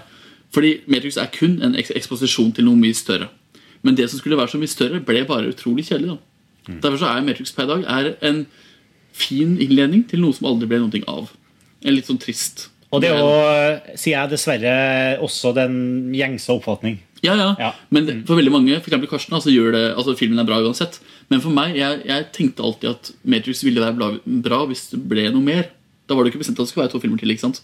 Men altså, hvis det kom mer, da, på en måte, og det bare fortsatte Så den der eksposisjonen som var så grensesprengende og bla, bla, bla, ble en del av noe enda større og noe enda mer eh, manusbasert, og bla, bla, bla, så ville jeg vært med på det. Men i og med at ikke det kom, så falt Matrix veldig gjennom da, for meg. Og jeg må jo si, jeg, er jo ikke blind for svakhetene i eh, Matrix 2 og 3 heller. Eh, og jeg er bare Jeg er pre pretensiøs nok til å påstå at jeg ser noe mer, da. Det er liksom Ja, ja, ja, ja. Du kan jo gjerne tro det. Ja, ikke sant? Jeg sier bare én ting. er 20 minutter underground rave party. Ja, og, eh, ikke sant? Men det fins 20 minutter! Men Erik, eh, Erik det fins en fan-edit. Det, er ikke, men det, det gjør bare vondt verre kanskje at det må finnes en fan-edit for at det skal bli en bra film. Nei, det gjør ikke vondt verre nødvendigvis. Jeg er ikke, jeg dette er ikke mitt forsvar av de to oppfølgerne som ikke jeg heller setter høyt, men jeg syns det er interessant at, at på en måte Det er en veldig en hyllet fanedit, da som heter A World Without Zion. Som handler om å klippe ut Zion av oppfølgerne og samle oppfølgerne i en eneste lang mm. på en måte, film. da Som holder handlingen der hvor eh, eneren egentlig var. Samtidig syns jeg det er uavhengig av hvor gode oppfølgerne er, så syns jeg ikke det er en god nok grunn til å trekke ned den originale Matrix-filmen. Nei, og det var jo derfor jeg ikke sant? Det er jo en av grunnene til at jeg har den så høyt. Fordi det er en enkeltstående film som for meg det, det var jo selvfølgelig en film som skrek etter oppfølgere. Og jeg syns jo ofte oppfølgere er litt sånn svarte får. Altså Hvorfor er vi så negative til oppfølgere? Er Negativt oppfølgere, The Empire Strikes Back. Ja, men- jo, men- jo, men- jo, men det der med- sånn, Ideen om oppfølgere blir ofte veldig sånn uh, trykket ned av at mange oppfølgere ikke holder mål. Ja, men Det er en veldig tabloid misforståelse. ikke det? Ikke sant? Jeg vet, det er jo, jeg, fordi jeg er jo egentlig innmari glad i oppfølgere. Mm. Jeg, jeg husker jo mitt tenåring selv som liksom egentlig i bunn og grunn håpet på oppfølgere. Nå skal jeg komme med en sånn morsom innrømmelse, men var det, det var en film jeg hadde veldig lyst på oppfølgere til. og det var Con Air. Ja, ja, ja. Den hadde jeg kjempelyst på oppfølger til, bare fordi jeg syns på en eller annen måte at det universet var gøy. Jeg hadde lyst til å fortsette i det universet. Og etter Matrix, hvem hadde ikke lyst til å fortsette i det universet? Det er derfor også det at filmene holdt ikke mål for de fleste av oss, var såpass skuffende også. Var sånn, det er kanskje verdens mest ideelle mulighet til å lage Empire Strikes Back igjen. ikke sant? Jo, men- Tenk jo, men- om. Det er liksom, ok, men Da sier man at fordi at Matrix var så jævlig bra, så ble toeren og treeren dårlig. Men de er dårlige Nei, de er i seg selv. altså. Jeg, må, jeg må bare fortelle liksom, lytterne at han sitter med Martin ved siden av meg her og drikker øl og skjelver. Og han, han kaldsvetter i panna. Han er så desperat over å fortelle hvor mye han liker Matrix 2 og 3. Men det, det Det- handler jo ikke om Matrix 2 og 3 nå, Nei. alt Nei. vi er i 1999. Men jeg jeg, Det komme 1999. en, jeg vil komme med en anek siste anekdote om den første filmen og opplevelsen av den på kino. Fordi jeg hadde ikke fått med at eh, Det, det var kanskje ikke snakk om en trilogi når, vi, når den kom. og når vi så den. Nei, det var ikke det. Eh, og da var det sånn der, ok På slutten, helt på slutten av filmen eh, Og nå tillater jeg meg å gå langt inn i spoiler-territorium Når når, når Keanu skjønner greia For å si det litt eh, enkelt og banalt Og flyr opp mot kamera Og jeg tenker Nå begynner tredjeakta Så kommer rulleteksten Men det er det jeg sier. En eksposisjon til noe større som aldri kom. Jo, men det er jo der jeg føler at nettopp i, nettopp i toeren så viser jeg at han, han skjønte jo ikke greia. Han har bare nådd et neste stadium, liksom. Ja, Det har ikke jeg fått med meg. Men, men Nei, herregud. Fordi at- fordi at- fordi at det- igjen mot helvetes maskingreier. Nå er han blitt Supermann. Supermann flyr. Supermann som kickass. Men så er det Ja, men det er jo nettopp det som toeren åpner jo nettopp med. Han er jo ikke Supermann. Han våkner med mareritt, han er redd, han har angst. Han, han, er, han er ikke Supermann, liksom. Nå, nå snakker jeg om opplevelsen av den første filmen, og den ble en kjempeskuffelse. Fordi jeg følte at akkurat i det, at liksom klimakset skulle begynne å bygges opp til, så slutta han. Men det, jeg, jeg, jeg er vi helt enige, fordi da, da, da jeg tenkte at hvis det kommer noe mer nå, senere, så blir det et mesterverk. Ikke sant? Men fordi det ikke kom noe mer, så ble det bare litt skuffende, sånn som du sier. da på slutten. Men jeg, vil si, jeg hadde sett Bound da før jeg så Matrix. Jeg kjente jo faktisk til disse regissørene. Og jeg syns Bound er en veldig bra film den dag i dag. Jeg synes den er uh, virkelig bra. liksom Det synes jeg, Men jeg så den etter Matrix. Da. ja, Men altså jeg kjente jo altså jeg, faktisk, jeg tror nesten at det eneste forholdet jeg hadde til Matrix, var nettopp at de hadde laget Bound før. Eh, så jeg syns er en, virkelig en bra film. Bound, jeg synes den er nesten eh, Ikke undervurdert, for den er jo ganske anerkjent. Men den burde snakkes om oftere.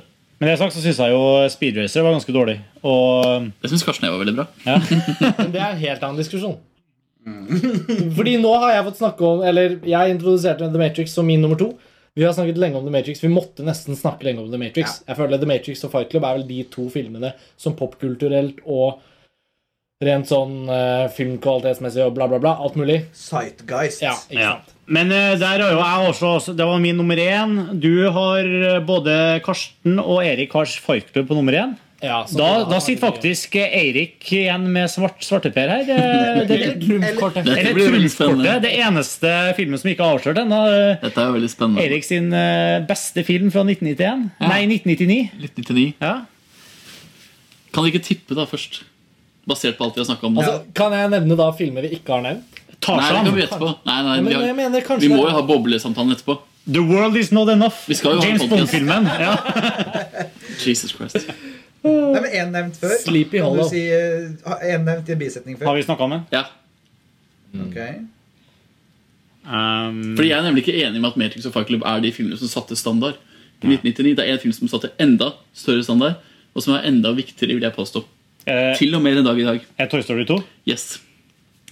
Toy Story 2 er min førsteplass, fordi jeg tror, jeg tror jeg så den fem ganger på kino. Toy Story 2.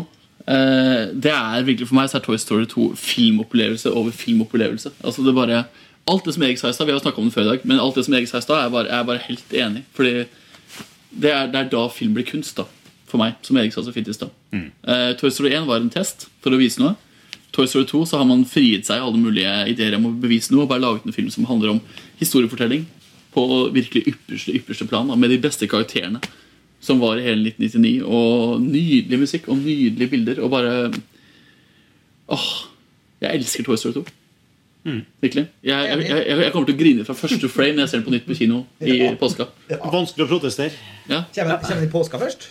Ja, den kommer, eh, eneren og toeren kommer sammen. Ja. Når kommer Toy Story 3? da? Ja, det kommer til sommeren, da. Det. Mm. Men det som er så viktig med Toy Story 2, som jeg mener i forhold til Fight Club Matrix, at det er jo den som virkelig satte standarden. Fordi an, an, altså hele animasjonsfilmen skifta jo fullstendig retning etter Toy Story 2. Da ble plutselig animasjonsfilm noe som, som Erik også sa i stad. Da ble på en måte ikke lenger animasjonsfilm animasjonsfilm. Da ble det film. Uavhengig av målgruppe. Da handlet det om at da kunne voksne folk også se animasjonsfilm. Og da ble det ikke lenger noe sånn der barne, barnegreie. da Hva, hva kom mellom, eh, bortsett fra Iron Giant, kanskje mellom Toy Story 1 og Toy Story 2? Ja, Bugs Life er vel Ja. Bugs Life. Ja. Og det er Disney Nei, det er, Men det er også Pixar. Det er Pixar, det, er faktisk. Ja, ja. Ja, mm. Det er også Pixar. Og så kom uh, Ants. Ja. Ants var Disney. De kom jo samtidig. Det var Det var- Dreamworks. det var Dreamworks. Mm. var Dreamworks. Eh, ja. Men det jeg mener liksom sånn- Da var man ferdig med insektfilmene, liksom. Ja. Men det jeg mener er at det, er, altså det her er en periode hvor Pixar holder på, på å etablere det som de nå i dag, med Se opp, da, har vist at de bare mestrer til fulle. Og det er å lage film som treffer uavhengig av målgruppe. Altså Målgruppen er nesten neglisjert da, i filmene.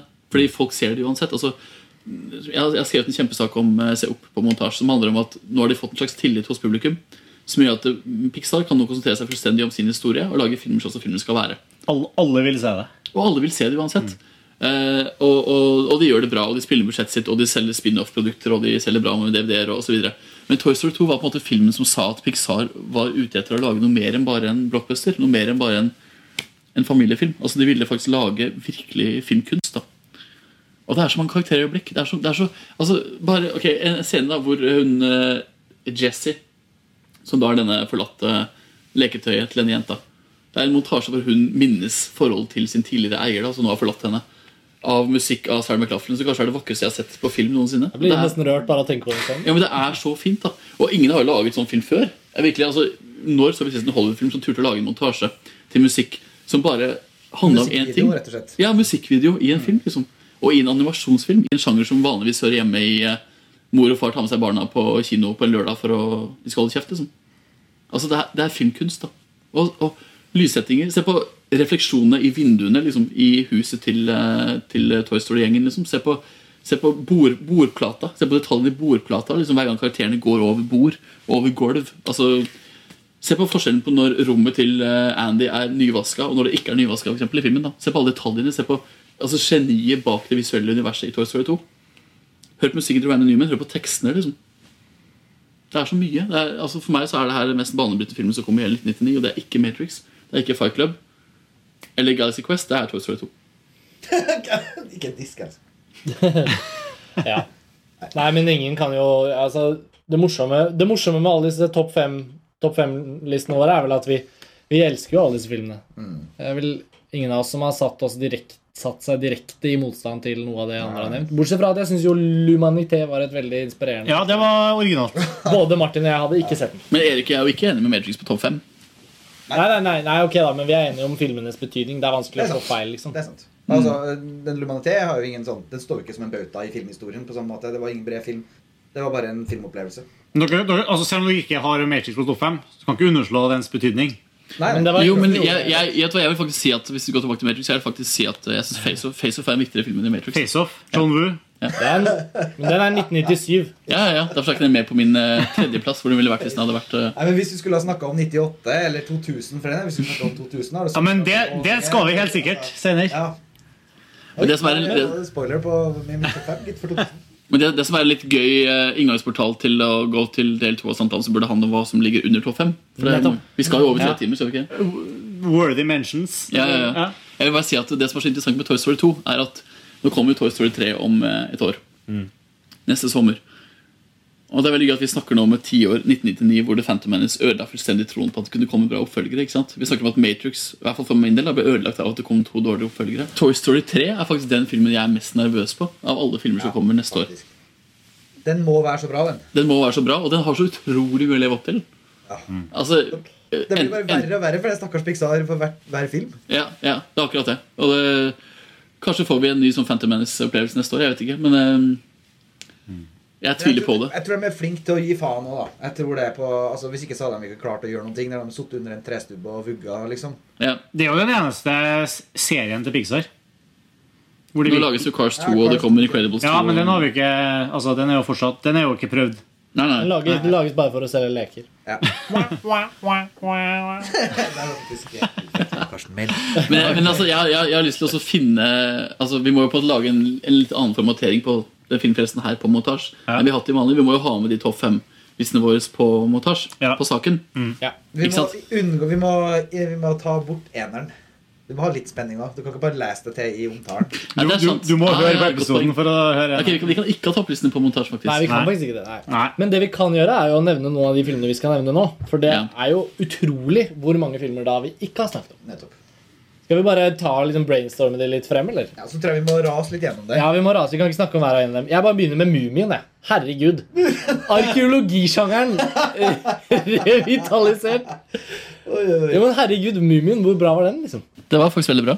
Ja, men jeg, Nå er vi ferdig med å liksom snakke om kvalitet og at ting er fantastisk, men Mumien jeg synes det var utrolig underholdende film. Ja, Men det var jo bra som kvalitet også. Ja, ja. Og Rachel Weisz ble introdusert for resten av verden. Vi trenger ikke snakke så mye om den, men jeg ville bare Jeg må det skyte inn en liten anekdote om den. Ja, fordi at ok. eh, Jeg fikk ikke med meg den på kino. Og så eh, skulle jeg, Da bodde jeg også på Lillehammer når den kom. Og så skulle jeg le den på video. Så gikk jeg ned på Skurva video. Eh, kiosken som Skurva? Nei og nei og nei. Eh, og så Der var den i hylla. Grabba den. Dro hjem. Bodde på Smestad studenthjem. Eh, putta den i videospilleren. Syns det var noe rart. Så litt nærmere på coveret. Og det var faktisk en sånn knockoff-tittel som het Alos the Mummy. Som var en sånn B... Altså, ok, Det var kanskje The Mummy en B-film. Dette var en C-film som var laga med et videocover som ligna på The Mummy. Sånn at du skulle ta feil i videobutikken, og det gjorde jeg. Det er jo en egen business i seg selv. Ja, så det tok lang tid før jeg så The Mummy etterpå. Så okay. jeg ble ikke fanga av The Mummy i 1999. Ok, Men vi kan løpe videre. Jeg vil hoppe helt til Election her fra 1999.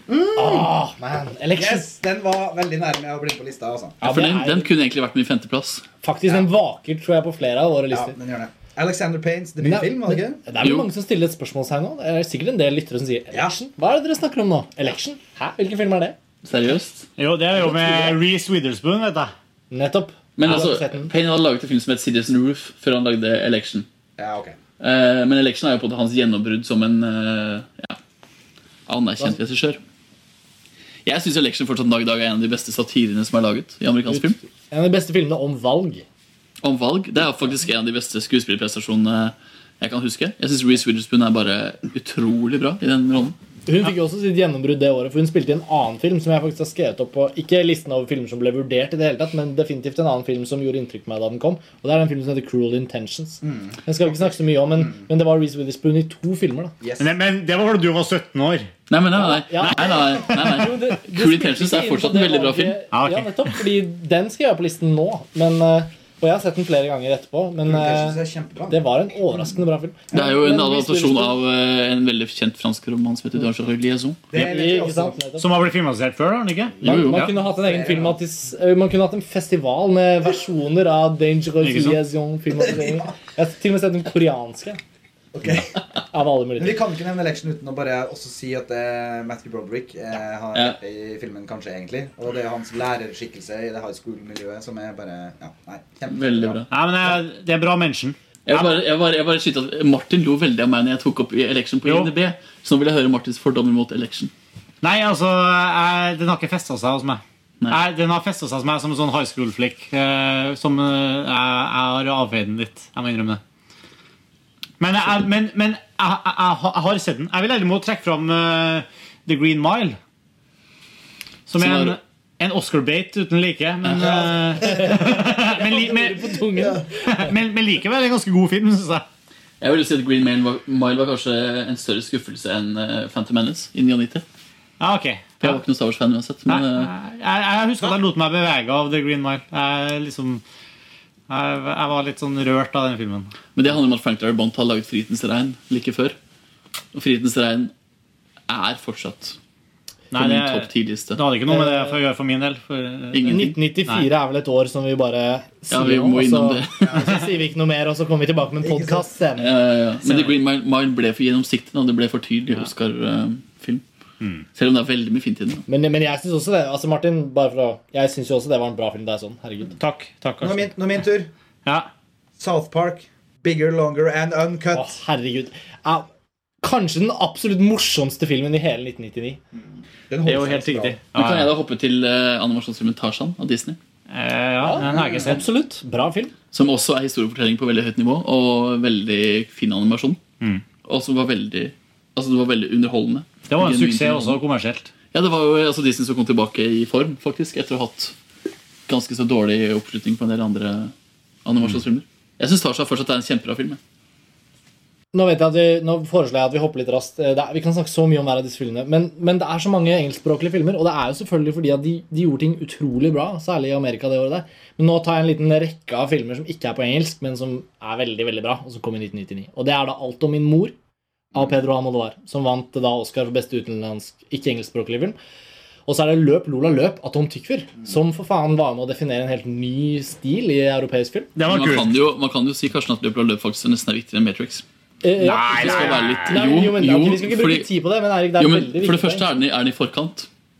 Ja. Fortellerteknisk enn Matrix. Altså, jeg, jeg, syns, jeg, altså, jeg syns ikke at det er noen kjempebra film Den er mye i dag. modigere. Ja. Det er bare en tysk film. Ble, Det er bare tysk film som ble Hei, kult, Fins det tysk film? Ja. Altså, Det var litt der. Den åpna veldig mange dører tror jeg, for dem som kom etter.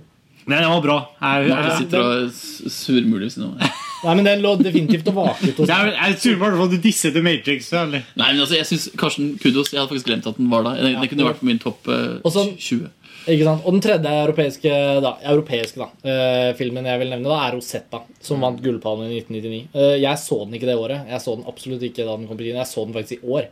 Sånn at eh, for meg er det det, det er ikke en 1999-opplevelse, men den ble produsert i 1999, og det er den filmen som satte Darden-brødrene på kartet for, for alvor. da. Med Canbait. Nettopp. Kan- Det er Canbait da, ved siden av Oscar-bait.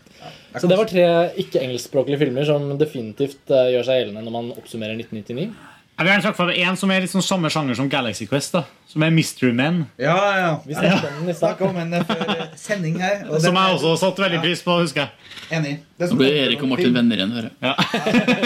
Nå er det greit. Nå er det greit. Det er noen superheltsatire med bl.a. Jeffrey Rush og Ben Stiller i Will Ma Willie Macy. Ja, William Macy selvfølgelig igjen. Ja. Ja, eh, ikke bare ja, ikke sant? Med masse patetiske superhelter. Ja, den er veldig veldig morsom, faktisk. Mm. Eh, veldig rar, men eh, jeg likte den også godt. Eh, er det min tur? Eh, vi, må, vi kommer ikke unna Ice Wide Shut. Nei, ikke sant? Det er den som ligger og vaker her på syvendeplassen. Ja, Ikke bare kom ikke unna den, men jeg mener den er jo en betydelig film faktisk fra 1999. Based. Men det som er litt gøy at den forsvinner fra mentaliteten, er for at den faktisk ikke påvirka så veldig mye. da Nei, den, den, den står ikke igjen i hodet mitt som noen favorittfilm. Den kunne vært laget i 1989. Den kunne vært laget i 2009. Kanskje. Mm. Men den, den tar jo opp samme tematikken Den tar jo opp mannsrolletematikk osv., men den er jo ikke akkurat Den har, har ikke satt så veldig mye spor. Den var et punktum. Det er et punktum, faktisk. Ja. Men den er jo helt eh, ubestridelig. For, for mer innsikt i Ice Wide Shut, for vi kan ikke snakke så lenge om den, så anbefales en lang artikkel på montasje en, eh, Lars Ole sin. under, under kategorien kodekør, skrevet av Lars Ole Kristiansen, som anbefales. Eh, Det er virkelig en film som også, vil jeg da si, har, har vokst med årene. Jeg har lyst til å se en snart. Mm. Eh, Men eh, vi kommer jo ikke unna det faktum at 1999 også ble preget av andre ting enn filmene som kom. Det var jo kulturelle ting som preget året.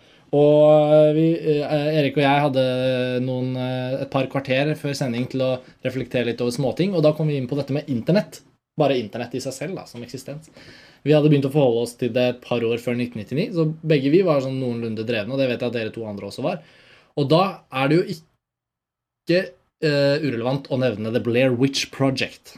Ikke bare pga. at det var en skremmende film i seg selv, jeg syns den var oppriktig skummel, men det var en, film, en av de første filmene som startet å fortelle historien sin ved hjelp av nett og nettsider og diverse sånne grep som de gjorde der. Og det ble også en, en økonomisk suksess som var med å forme horrorfilmen uh, i årene som kom.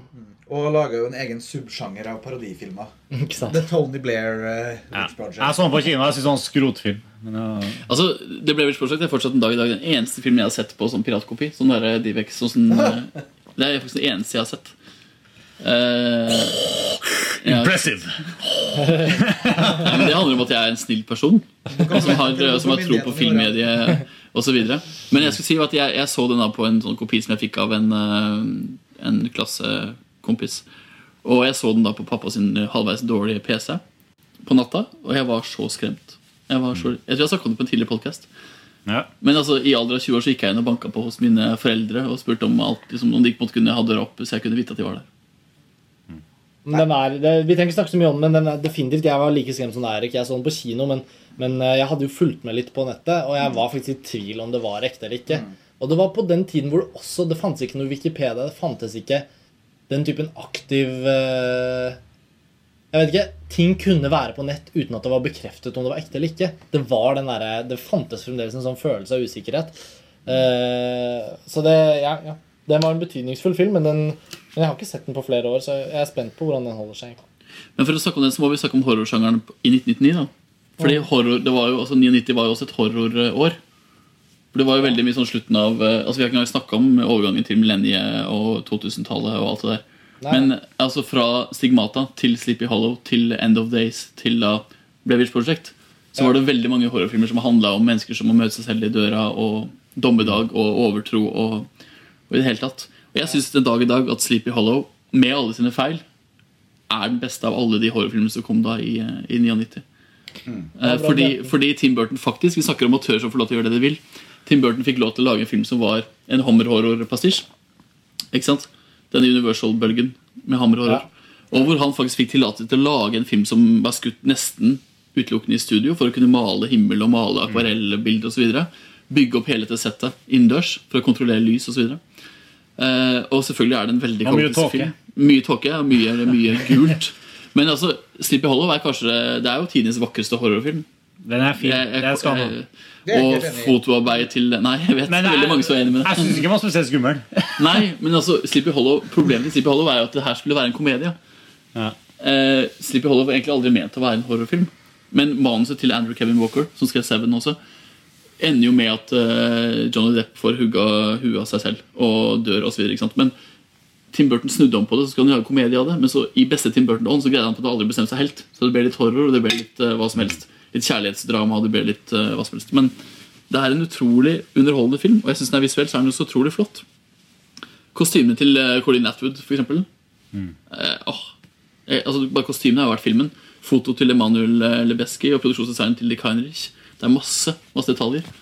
For en Tim Burton-fan, da. Men jeg syns det er den vakreste horrorfilmen som er laget. Men uh, Erik er ikke enig. Mm, nei, det er jeg ikke.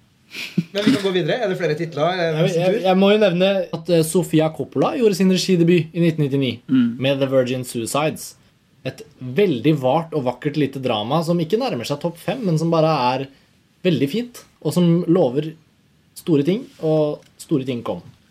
Og The Virgin Suicides er en eh, nydelig liten film som også eh, satte Kirsten Dunst litt mer på kartet. Mm. Og den vil jeg ha nevnt. Og jeg vil også gjerne nevne 'Bringing Out the Dead'. Selv om ikke Scorsese akkurat kommer til å bli husket for den filmen, så var det uh, Det var kanskje den tredje eller fjerde Scorsese-filmen jeg så. Men det var den aller første Scorsese-filmen jeg så på kino. Uh, og den gjorde veldig inntrykk på meg. Og Nicolas Cage var jo en stor helt, i og med at The Rock og Con Air og alle disse filmene her var kanskje noe av det kuleste jeg så midt på 90-tallet. Så jeg var en stor tilhenger av Nicolas Cage på det tidspunktet. Og jeg syns fremdeles Bring Out og Dead holder seg ganske bra. Men den er jo absolutt en av de mest oversett Ikke oversett, men det er en ubetydelig Scorsese-film som glemmes eh, for de kvalitetene den har. da Jeg tror ikke den er så veldig oversett. Jeg tror faktisk at den er plassert akkurat der den hører hjemme. Altså Litt sånn midt på treet Scorsese-filmografi. Men en annen film da, du snakket om uh, Virgin Suicides med Kirsten Dunst. Hilary, Hilary, Hilary Swank gjorde jo Boys Don't Cry. Altså fikk en Oscar for Boys Don't Cry i 99. Eh, jeg syns Boys Don't Cry fortsatt er den beste indie-filmen fra 1999. Synes- Super-indie, da. Nå har jeg ikke Ja. sett den, men eh, ja. Den er jo fortsatt like vond. liksom Den er fortsatt eh, Altså Den ene scenen som selvfølgelig alle snakker om, hvor det som Ja, skjer, er skjer. det?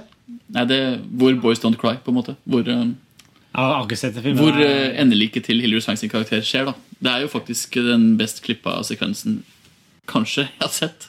Virkelig. Det er jo en fantastisk film. Den er veldig ujevn, men altså den er jo Chloé Sevigny og Hilary Swank ble berømt og fikk hver sin Oscar-nominasjon for Boys Don't Cry i 1990. Så det, det må nevnes. Men Karsten, eh, Tre konger, Three Kings. Jeg har den her. Det er den neste filmen jeg har tenkt å snakke om. Nei, men nei. Jo. Mm, Jo, konger, den var fet når den kom. jeg. Ja. Den var veldig fet når den kom, akkurat Men den har kanskje falt litt etterpå. Men den var jo utrolig kul når den kom. Og den satte også en regissør på bordet. Han har jo virkelig ikke fulgt opp, men David O. Russell, som da hadde laget én film tidligere, jeg husker ikke tittelen på den, eh, men han var liksom litt sånn eh, indie Kanskje nå skjer det noe. Og så kom han med, med Tre konger, som Og det er også en veldig 1999-film. Ja, ja, USA har liksom ikke vært inne i en seriøst kul krig på veldig lenge.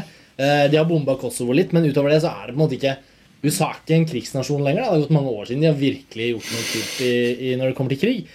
Eh, Så da lager vi en Irak-krigfilm som handler om den andre Irak-krigen. 1999, da var liksom USA litt sånn, det var litt sånn før dette tiåret. Definitivt før dette tiåret. Og det er liksom George Clooney og Ice Cube og Spike Johnson skuespiller og han Mark Wahlberg. som liksom er på vei ut av Irak, og krigen er over, og det varte så kort, og det var ikke like gøy. Og, ikke sant? Det er jo andre filmer som skildrer dette. humor, og det er tøys og tull. Og skal- Men jeg vil si at det er elementer ved Tre konger som fortjener mer oppmerksomhet enn som så. altså.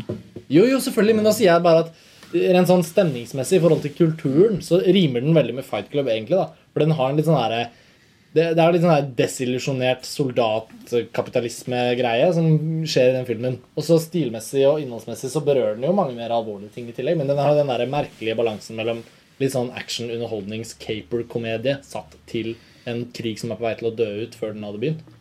Men, men ok ja, greit nok. Men hva, hva med en av de store videofavorittene fra det året?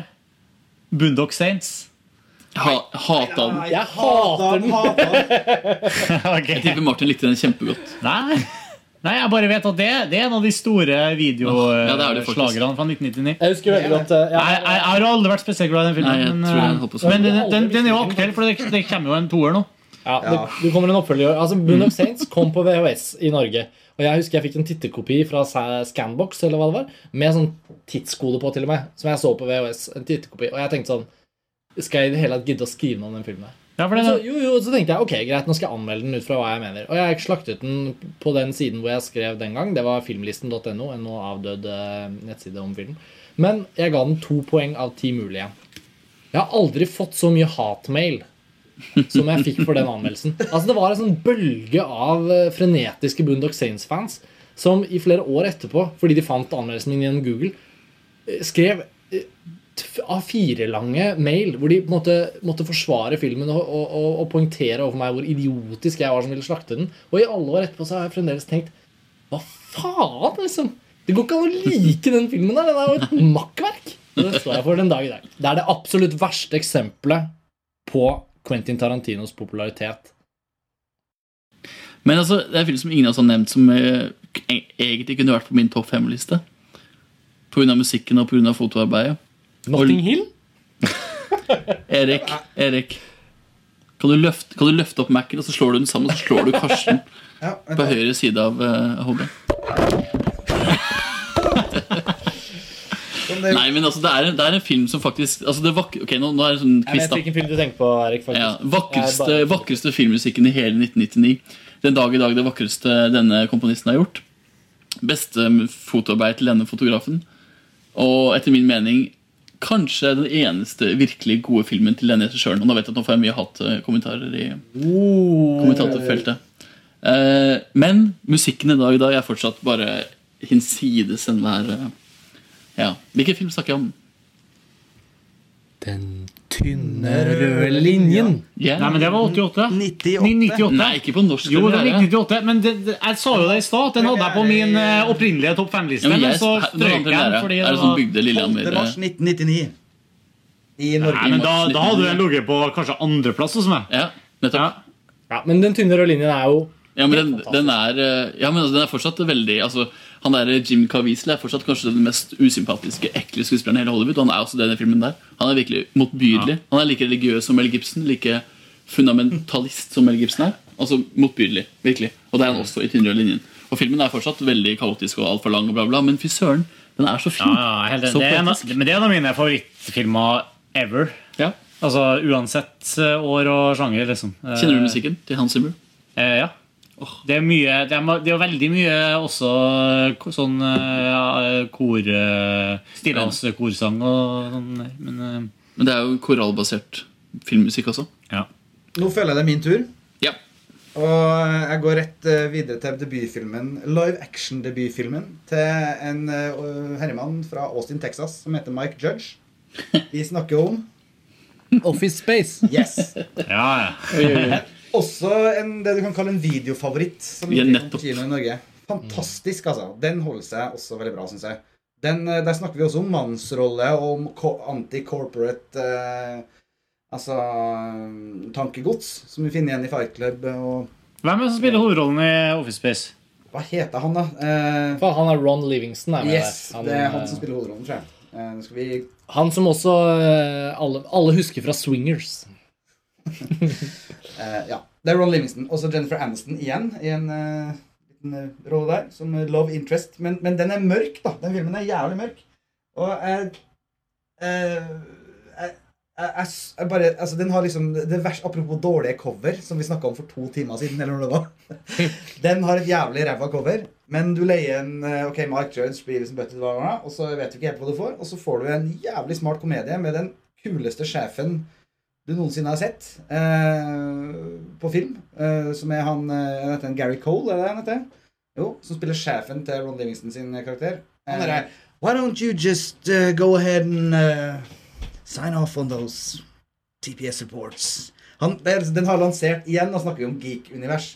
Og vi snakker om eh, cubicle paranoia. Det er litt sånn Jeg fikk aldri fot for Dilbert eh, som tegneseriestripe, men Office Space, den bare nailer det. Og den ser jeg gladelig igjen.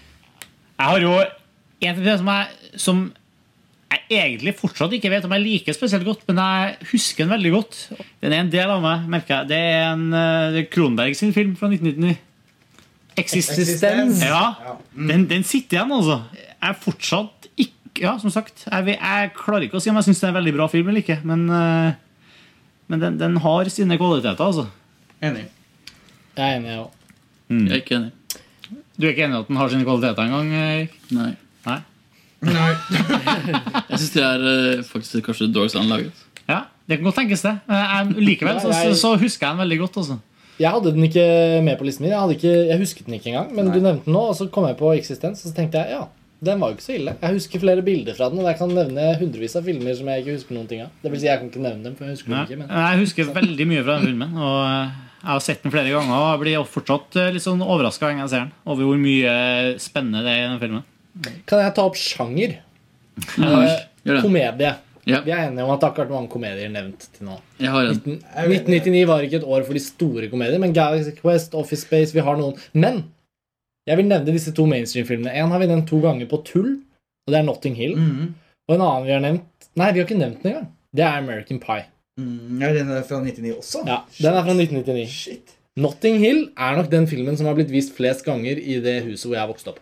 Eh, etter at jeg flyttet ut. Men, eh, men det er en film jeg nesten ikke ikke kan se. Hvis jeg vet at den er på TV, eller hvis, den, hvis det er noen som sier sånn Hei, og bare kom inn, vi ser på Notting Hill. Da setter man seg ned og ser på Notting Hill. Det er nesten Det, det er vanskelig å argumentere mot den filmen. For the record så vil jeg si at jeg ikke var med på å nevne den på tull, for den står på min liste over eh, også filmer som må nevnes fra 99. Men, men fortell Da er det gøy å høre hva du syns, føler jeg, fordi den er faktisk litt Nei, den står seg. Og det er liksom, den er jo, det er jo liksom regissøren heter Roger Mitchell, og han har ikke jeg noe forhold til. Men det er jo forfatteren som senere gikk hen og skrev Love Actually, eller unnskyld, regissert Love Actually. Det er liksom hans film, da, føler jeg, mer enn kanskje regissøren. Altså, og den var også liksom virkelig sånn sjangersettende. Det kom jo liksom en drøss. Det var en sånn oppsving i eh, romantiske komedier, både for eh, Hugh Grant og uh, Julia Roberts. Nei, nei. Uh, jo, også Julia Roberts. Kanskje, men nå tenkte jeg. Nei, vet du hva, nå blander jeg helt. Du blander med fire briller på en grafe? Ja, det gjør jeg. Men, men ikke sant, det der er Men Notting Hill starta det vel? Nei, fire bryllup på en grafe. Startet først? Ja, ja, ja. Ja, Da er jeg helt på bærtur og overlater ordet til dem som har mer å komme med. Men, men vi kan holde ordet ved Notting Hill, for det er masse å si om den filmen. Jeg mener Riz Ithens, denne snodige kameraten til Hugh Grant. Det er han i underbuksa. Nettopp han i underbuksa. Ja. Nei, men Det er så mye gøy med den filmen. da Den Ja, det, si det var for all det. Det var ikke noen dårlig film. Nei, nei, I, I motsetning til Robert Williams sin eh, film det året. Robert Ba- eller Robin? Bicentennial Man. Den så jeg aldri. Oi, oi, den Men var ikke Eddie Murphy også stor det året der, med Holy Man?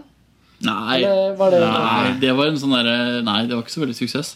Eddie Murphy hadde jo, har jo hatt et spennende tiår. Bowfinger, for faen. Jeg håper den lager 99. Jeg føler at vi driver og eh, hakker litt på stussene her nå på 1999. Ja, altså. ja, ja. Vi er på slutten. Men kanskje du hadde veldig godt poeng med det der filmer som kommer på TV, og så ser man på den. ikke sant? Ja, Notting Hill. ja. Eh, jeg vil jo si at eh, The Thomas Crown Affair med Pierce Brosnan, altså remaken av Eller hva heter det? Ja, ja. Refilmatiseringen Det var av ikke The noen dårlig film. Men hun, hva heter hun dama? René, Ja, ja, ja. Renee Russo. René Russo. Var jo, faktisk, var jo en veldig underholdende film. Unnskyld, jeg måtte si det. Bowfinger 1999 det er en kjempefilm. Men- Ja. De Ja. Steve Martin. Men ok okay men vi er, vi er altså Men Pierce Brosnan spilte også en James Bond-film det året. Det var ikke så bra. Enough. Det var ganske skuffende. Det var veldig skuffende. Men altså, The Thomas Crown Affair Nå, nå, nå går det for langt for Martin her. Altså. Når vi mister sine. Men Altså, nå, er vi, nå, nå er vi på, et nivå i podkasten hvor våre lyttere har hørt på oss i hvor lenge? I hvert fall over to timer. To, ja, ja. Og da er det greit å si at Martin nå mista ørene sine for at han har drukket litt for mye øl. Vi kan, vi kan, så, blir, kan, hit, så blir det med en halvtime til, liksom. ja, for nå er det Die Hard-fansen Die Hard- som hører på oss. Die Hard var en veldig bra film. Dere som la opp eh, etter Jo, men hør nå, de, de som på en måte la opp etter at vi var ferdig med topp fem, de, er, de har ikke hørt alt det her. Men dere som fortsatt hører på oss, tåler jo at vi fortsetter å, å gnåle litt. Men, Men det er Thomas Crown Affair Ja. er en bra film. ja, det er det. Ja, det er ikke noe å si på det. Nei. Det er ikke verken topp fem eller topp ti, eller kanskje topp Nei, men Den er på sånn der underholdningsverdi, den filmen du alltid ser når du går på kino. Jeg er på topp 100. Men jeg vil, jeg, vil, jeg vil snakke om film som faktisk jeg trodde skulle bli veldig veldig bra, men som var helt hinsides dårlig. Som kanskje var en, mer, en større skuffelse enn The Phantom Menace. Som kom det året her. Stor film. Stor fransk, engelsk, tysk, østerriksk, litt amerikansk koproduksjon. Eh, av en regissør som jeg personlig aldri har likt, men som veldig mange hadde et veldig forhold til Nå er jeg spent. for en annen film. Og Det var en film som hadde en, en kjempekampanje på Cannes-festivalen året før. Med store bannere og store plakater Hadde en trailer som gjorde at folk tenkte at oi, det her blir stort. Eh, han casta sin forlovede i hovedrollen.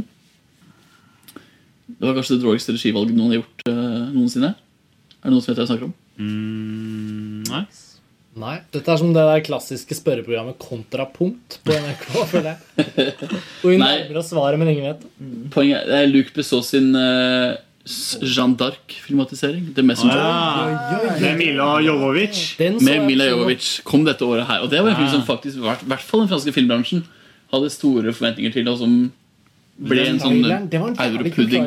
hadde. Den har jo ikke satt seg. Det var en veldig bra trailer. Altså, det var uh, hun der Jovovic-dama som løp Ja, ja. gjennom eh, solsikkeåkre, og alle tenkte Oi, Luc Besson som eh, autør. Luc Besson som kunstner. Og så fikk vi en film som er eh, altså, kanskje Frankrikes eh, største kalk- kalkun. Det var, det var en kalkun. Det var et godt poeng. Men hva, hva er interessant med den? Jo, det er europudding-elementet i, i Jeanne d'Arc. Fordi altså, John Malkovich, Faye Dunaway, Dustin Hoffman, Miljovic Store skuespillere ikke sant? som plasseres i en europeisk kontekst. Og så blir det pudding. Altså, det blir virkelig det blir så For Luc Besson hadde da lagd Leon, han, Ja, ja, han hadde han hadde lagd fan- fan- eller fanskare. Le Grand Bleu, han hadde lagd de filmene her. ikke sant? Ja. Han, han, han, han fikk hvem han ville, egentlig. Ja, jeg syns Leon var en dårlig film. Ja. Og det synes jeg er en dag i dag en virkelig en elendig film. Det kan vi krangle om når vi skal lage podcast om. Det blir en annen podkast. Ja. ja, ja, ja. Men det som er så interessant er at han lagde faktisk en kjempefilmatisering som hadde et budsjett på 390 000 franske franc. Eh, Det var ikke så mye. Mil, millioner. mener det. Hæ? Million. Millioner regner jeg med ment. Nei, det kosta 40 millioner euro i dag, da. Ja, okay. Husker jeg at jeg har sagt. Men altså, den spilte jo faktisk inn budsjettet sitt, men uansett, det her var jo en flopp. Altså kritikermessig og festivalmessig. Det var film ingen husker. Nei, ingen husker den. Altså, Vi husker den jo ikke nå. Men det er interessant for at det var en film som var utrolig mye hype Altså, mot. jeg har sett den. Jeg husker ingenting fra den. Nei, jeg så den på kino, tror jeg. Så den, den bør nevnes i et sånn retrospektivt um... Det er interessant. Vi har, vi, vi har også en del sånne skikkelig sånn low budget, eh, mer sånne slitne ting. Da, fordi Dogmebølgen hadde startet året før. Så 1999 er jo ikke et, eh, på mange måter et år som også representeres av f.eks. det, at eh, dansk film virkelig var på vei. Italiensk forbindere kom vel i 2000, og Idiotene kom i 1998. Så de, Men i 1999 kom Mifune. Mifunes siste sang Eh, Søren Krag Jacobsen. Ja. Fordi jeg kikka litt på hva våre naboland drev med, og så fant jeg Mifune. Ah, faen, den må vi få med. Det må nevnes. Kikka på svenskene. Der fant jeg ikke så mye. Eh, det her, Vi snakker etter fucking Åmål. Vi snakker før Sanger fra andre våningen. Ehm, det var ikke så mye å hente der. Men så kikka jeg på Norge, og der var det trist, altså. Det er liksom ingenting jeg føler Ok, vi, vi kan liksom gi hederlig omtale til kanskje et par av de filmene som kom, men det var den nette sum av ni norske spillefilmer det året, inklusive eh, så vidt jeg husker, kompilasjonsfilmen 'Tørst'. 'Fremtidens forbrytelser'. Ok, la, Ja. la oss ta de norske filmene i 1999 her, ifølge Wikipedia. Ja, for, ok, kjør. Ja. Evas øye.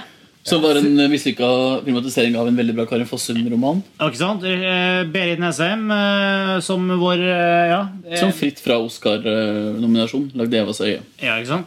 Neste. Fomlesen i kattepine. Neste. Så var det en interessant koproduksjon med Tsjekkia, for det ble spilt inn i Chelsea Krumlov i Sør-Tsjekkia. i sin Ja. tid Frosset hjerte, en film om Roald Amundsen. Som er en veldig bra film. Eh, Dokumentarfilm. En dokumentarfilm, ja. SOS. SOS det er nemlig et av de hederlige unntakene. Ja, det er. Thomas Robson. Som laga en film i Italia Mm. med blanding av italienske og norske skuespillere. En slags eh, romantisk, et romantisk drama, Ja, kan vi kalle det. Det kan man si. Eh, Det er noe lenking til sengestolper der som jeg hadde veldig sansen for. husker jeg da jeg så den. Ikke sant? Eh, men den var faktisk Den ville noen ting, og den, den Ja, men den tror jeg liksom ja, Jeg husker det var mye hype rundt den, men det er ikke en film jeg husker. Men den vant Amanda for beste kinofilm det året. Ja, Kjersti Holmen er jo kjempebra i sin rolle. Ja, Kjempebra. Jeg, jeg skulle Ja. si, ja. Sofies verden kom det året. Nettopp. Uh, Norges første big budget-flopp. Suffløsen. Som er en veldig bra film, som fortjener faktisk å være Yes. på en nesten topp 20-liste. Altså. Ja, det er den- Hege Skøyen bevis at du faktisk hun er eh, en stor, stor stor skuespiller. Ja, så den er også en av unntakene. Tørst så jeg aldri. Og så var det Olsenbandens siste stikk, som var vel den siste filmen med liksom original-lineupen, vel? Ja, og nå er de døde Den var på gamlegjeng. Gamle, gamle igjen. Men, du, det som er er, men det som er interessant da med året 1999 i norsk film, som var den tvisten som jeg hadde lyst til å presentere på slutten av podcasten, er jo at Se på de prosjektene her. Hva er det et forsøk på? Jo, Evas øye er en Oscar-nominert regissør som lager en ny film, og som dessverre blir ganske dårlig. Men det er en del ganske ambisiøse ideer da i norsk film i 1999. Og ikke bare sånn overfladisk med Sofies verden, som jo var en kjempeproduksjon, og som skulle selges til mange land osv. Og det Men-. Men Tørst. Tørst var jo et stort prosjekt. Tørst var en slags sånn omnibus-idé om at nå skulle norske regissører lage et uh, samla stort filmverk som skulle dra på festivaler og gjøre det kjempebra. Ikke sant? Og Suffløsen, seriøst Jeg vil faktisk påstå at Suffløsen er nesten Altså en av de filmene i norsk historie som er mest undervurdert. Og hadde den blitt laget nå, Så hadde den faktisk som en sånn der skikkelig bra voksenkomedie med Hege Skøyen og hele den teatersettingen og det visuelle språk som er i filmen, tross alt ja, men altså, hun, hun var jo like stor publikummessig da som hun er nå. Kanskje større. Ja. Men jeg tror at med den tilliten som norsk film har i dag, så ville kanskje den faktisk markert seg litt på festivalarenaen. da, Tror Ja, jeg. men jeg tror faktisk, jeg mener husk at Suffløsen gikk bra i Sverige. Den har en del svensk cast, har den ikke det? Jo, jo. Jo, han, særlig han derre Hva heter han? Han fyren. Er ikke det han uh, Philip Sandén? Jo. Ja. Eh, og jeg også tror den, den står seg. Den har ikke jeg sett på herrens mange år. Men den er veldig fin, og, også, og Hege Skøyen er veldig bra i hovedrollen. Så jeg tror Hadde den vært laget nå i dag, ti år senere, så hadde faktisk den kanskje kunne vært en film som kunne markert seg i en del festivalkonkurranse rundt om i uh, altså, Men var det den sorten film? da? Var ikke det en, eh, en bred, folkelig komedie? Men da hadde jo ikke norsk film den tillit- selvtilliten som den har nå. ikke sant? Nei. På den Men, tida her. men likevel uh, Det tok to, nesten to og en halv time inn i podkasten vår før vi kom til norsk film. Ja, men, ja, men jo, jo. Men altså, det, på måte- jeg, vil, jeg vil påstå at det er et veiskille i norsk film i 99 også fordi at norsk film da feila på en del ting da, som de håpa å lykkes på. F.eks. Tørst. Som ikke funka som prosjekt, og som fikk enere i mange aviser. så vidt jeg husker. Eh, eh, Sofies verden, som var norsk film, lager filmatisering av en bok som har solgt uhorvelig masse mengder. Den burde være forhåndssolgt allerede, bla, bla, bla, men så blir det en ja, Den skal ha for ambisjon, men, Ja, men som ikke- ikke funker, ikke sant? Det var den mest mestselgende norske romanen siden oversettelsen av Bibelen. på en måte. ja, ja, ja, men, ja, men det er jo egentlig uavhengig av land, tror jeg. Ja, men jeg syns liksom fortsatt at 90, 99 var litt sånn vakuum Ja. vakuumår. Fordi vi kom fra altså i 97, 98, Insomnia, Budbringeren, sånne ting som markerte seg både i utlandet og som var, gikk bra på, på kino i Norge, relativt sett. Eh, og så kom etterpå, i, i 2000, kom den nye æraen med Detektor. Og da er det en helt annen verden igjen. Da da- begynner, etter Detektor så er det jo helt Jo, men, jo, men for å være litt stygg, da, jeg vil faktisk påstå at eh, etter Insomnia og Budbringeren så burde da for da, altså de som opererte med festivalannonsering da, burde greid å fulgt opp og fått suffløsen til Cannes. Da. Det, det, altså det, det mener jeg virkelig. Altså. Og Evas øye altså Berit Nesheim hadde vært Oscar-nominert. Hun var profilert, hun var stor. Hun var vel egentlig i Berlin tror jeg, i konkurranse med Evas øye. vidt jeg. Hun var for en stor festival. Men altså det at ingen greide å få en av de filmene her til Cannes på basis av forhåndsjuriering, som da kan basere seg på, ikke sant? Når vi hadde hatt Insomnia og budbringerne og suksessene her, det viser om enda en gang at norsk film greier aldri å fullføre løpet fullt ut. Da. Vi greier aldri å melke suksessen når den først skjer. Vi greier ikke å følge opp. Ja, det blir bølgedaler. Det blir bølgedaler, ikke sant? og det er veldig farlig. Og 99 er et sånt år, da. Det store spørsmålet vi skal stille oss, er jo om vi, vi, vi er sterke nok som filmnasjon til å ha noe annet enn bølgedaler og bølgetopper. Og ha noe jevn strøm og bygge oppover og oppover og oppover. Det virker jo sånn at vi ikke, ikke greier det. da. Å være noe mer enn det. Men det er blitt bedre fra 1999 til 2009. Så i 2019 Ja, men vi er jo fortsatt Vi har ennå ikke overgått eh, året 1998 eller 1997 hva angår festivaler og, diverse. Jo, det har vi. 2006 det har vi. var vel- 2006, Fire spillefilmer i Cannes. Ja, men i forhold til det som ble jo, men altså, ok, tatt, tatt ut av en ting, men altså, Kritikermottakelsen i Cannes var jo mye svakere på, på uro og, og diverse i forhold til budbringeren og Insomnia. 2006 var et merkeår altså, også for reprise, som eh, I Vary. og Karlovy Vary vant skiprisen. Altså, det var masse, masse Altså, jeg vil si at det var Altså, det var ikke den der ene filmen i hovedkonferansen Nei. som vi har hatt før i 1979, liksom. Mm. Med Anne Breien. Men, eh, men likevel. Nå har vi spora litt grann av. Eh, Ja, men vi, vi kom oss bort fra 1999. Men eh, 1999 var ikke et pangår for, no for Norge. Det kan si. ikke. Nei. Det er bra sagt, Martin.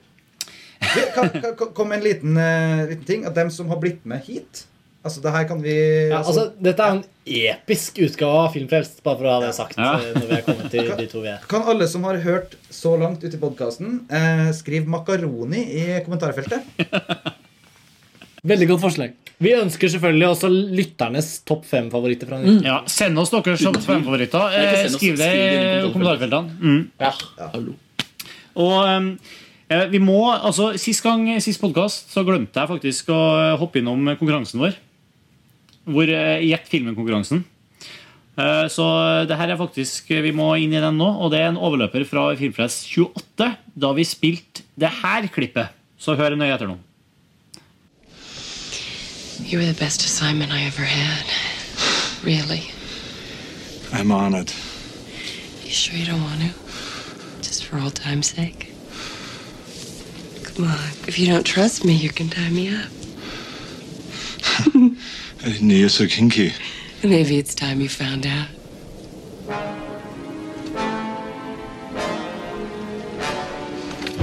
Clever girl.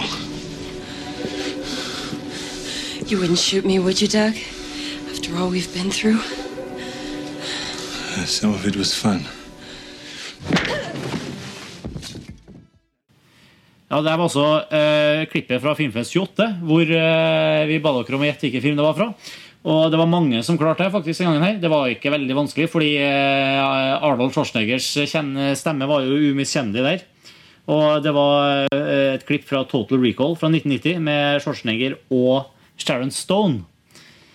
Uh, og det er en kar som heter Bredo Møller, som sendte oss mail her og svarte riktig på spørsmålet her. Og håper jeg vinner en T-skjorte, skriver han. Og eh, han skriver så Han Torbjørn Grav har vunnet nok T-skjorter nå. Nå er det min tur.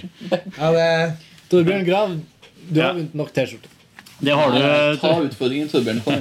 Torbjørn er en smart mann. Eh, Torbjørn, du må gjerne delta igjen. Du, du er ikke diskvalifisert fra å vinne ytterligere T-skjorter. Dere, har dere prata med, med Jon Einar i siste? Er det flere T-skjorter på, på vei? Nei, vi må lage nye.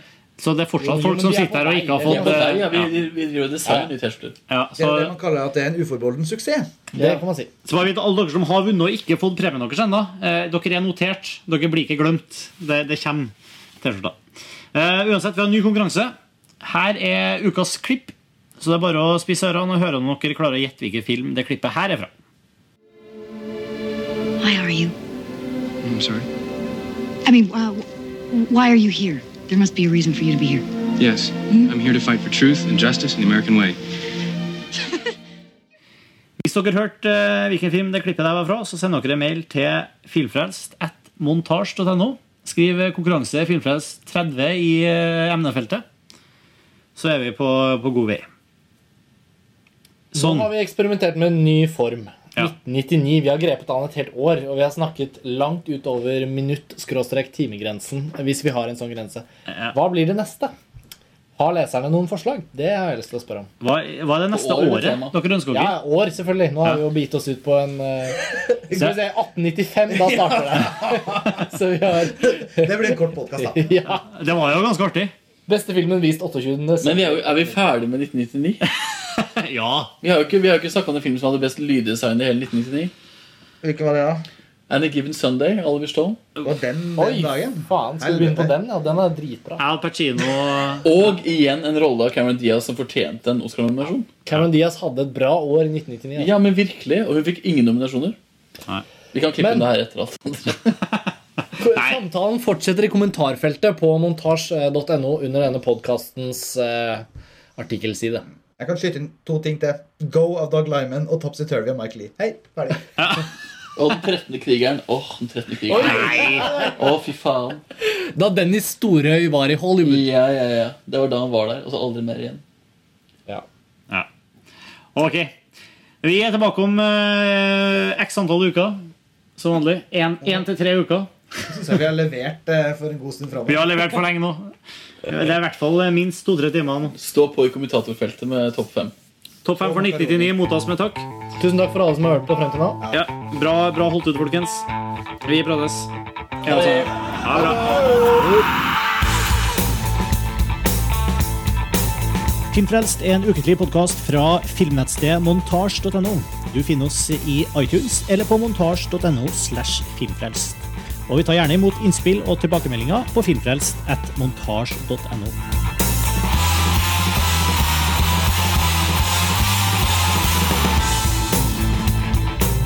Og musikken du hører nå, er fra det norske bandet Ping. Hør mer på thepingpage.com.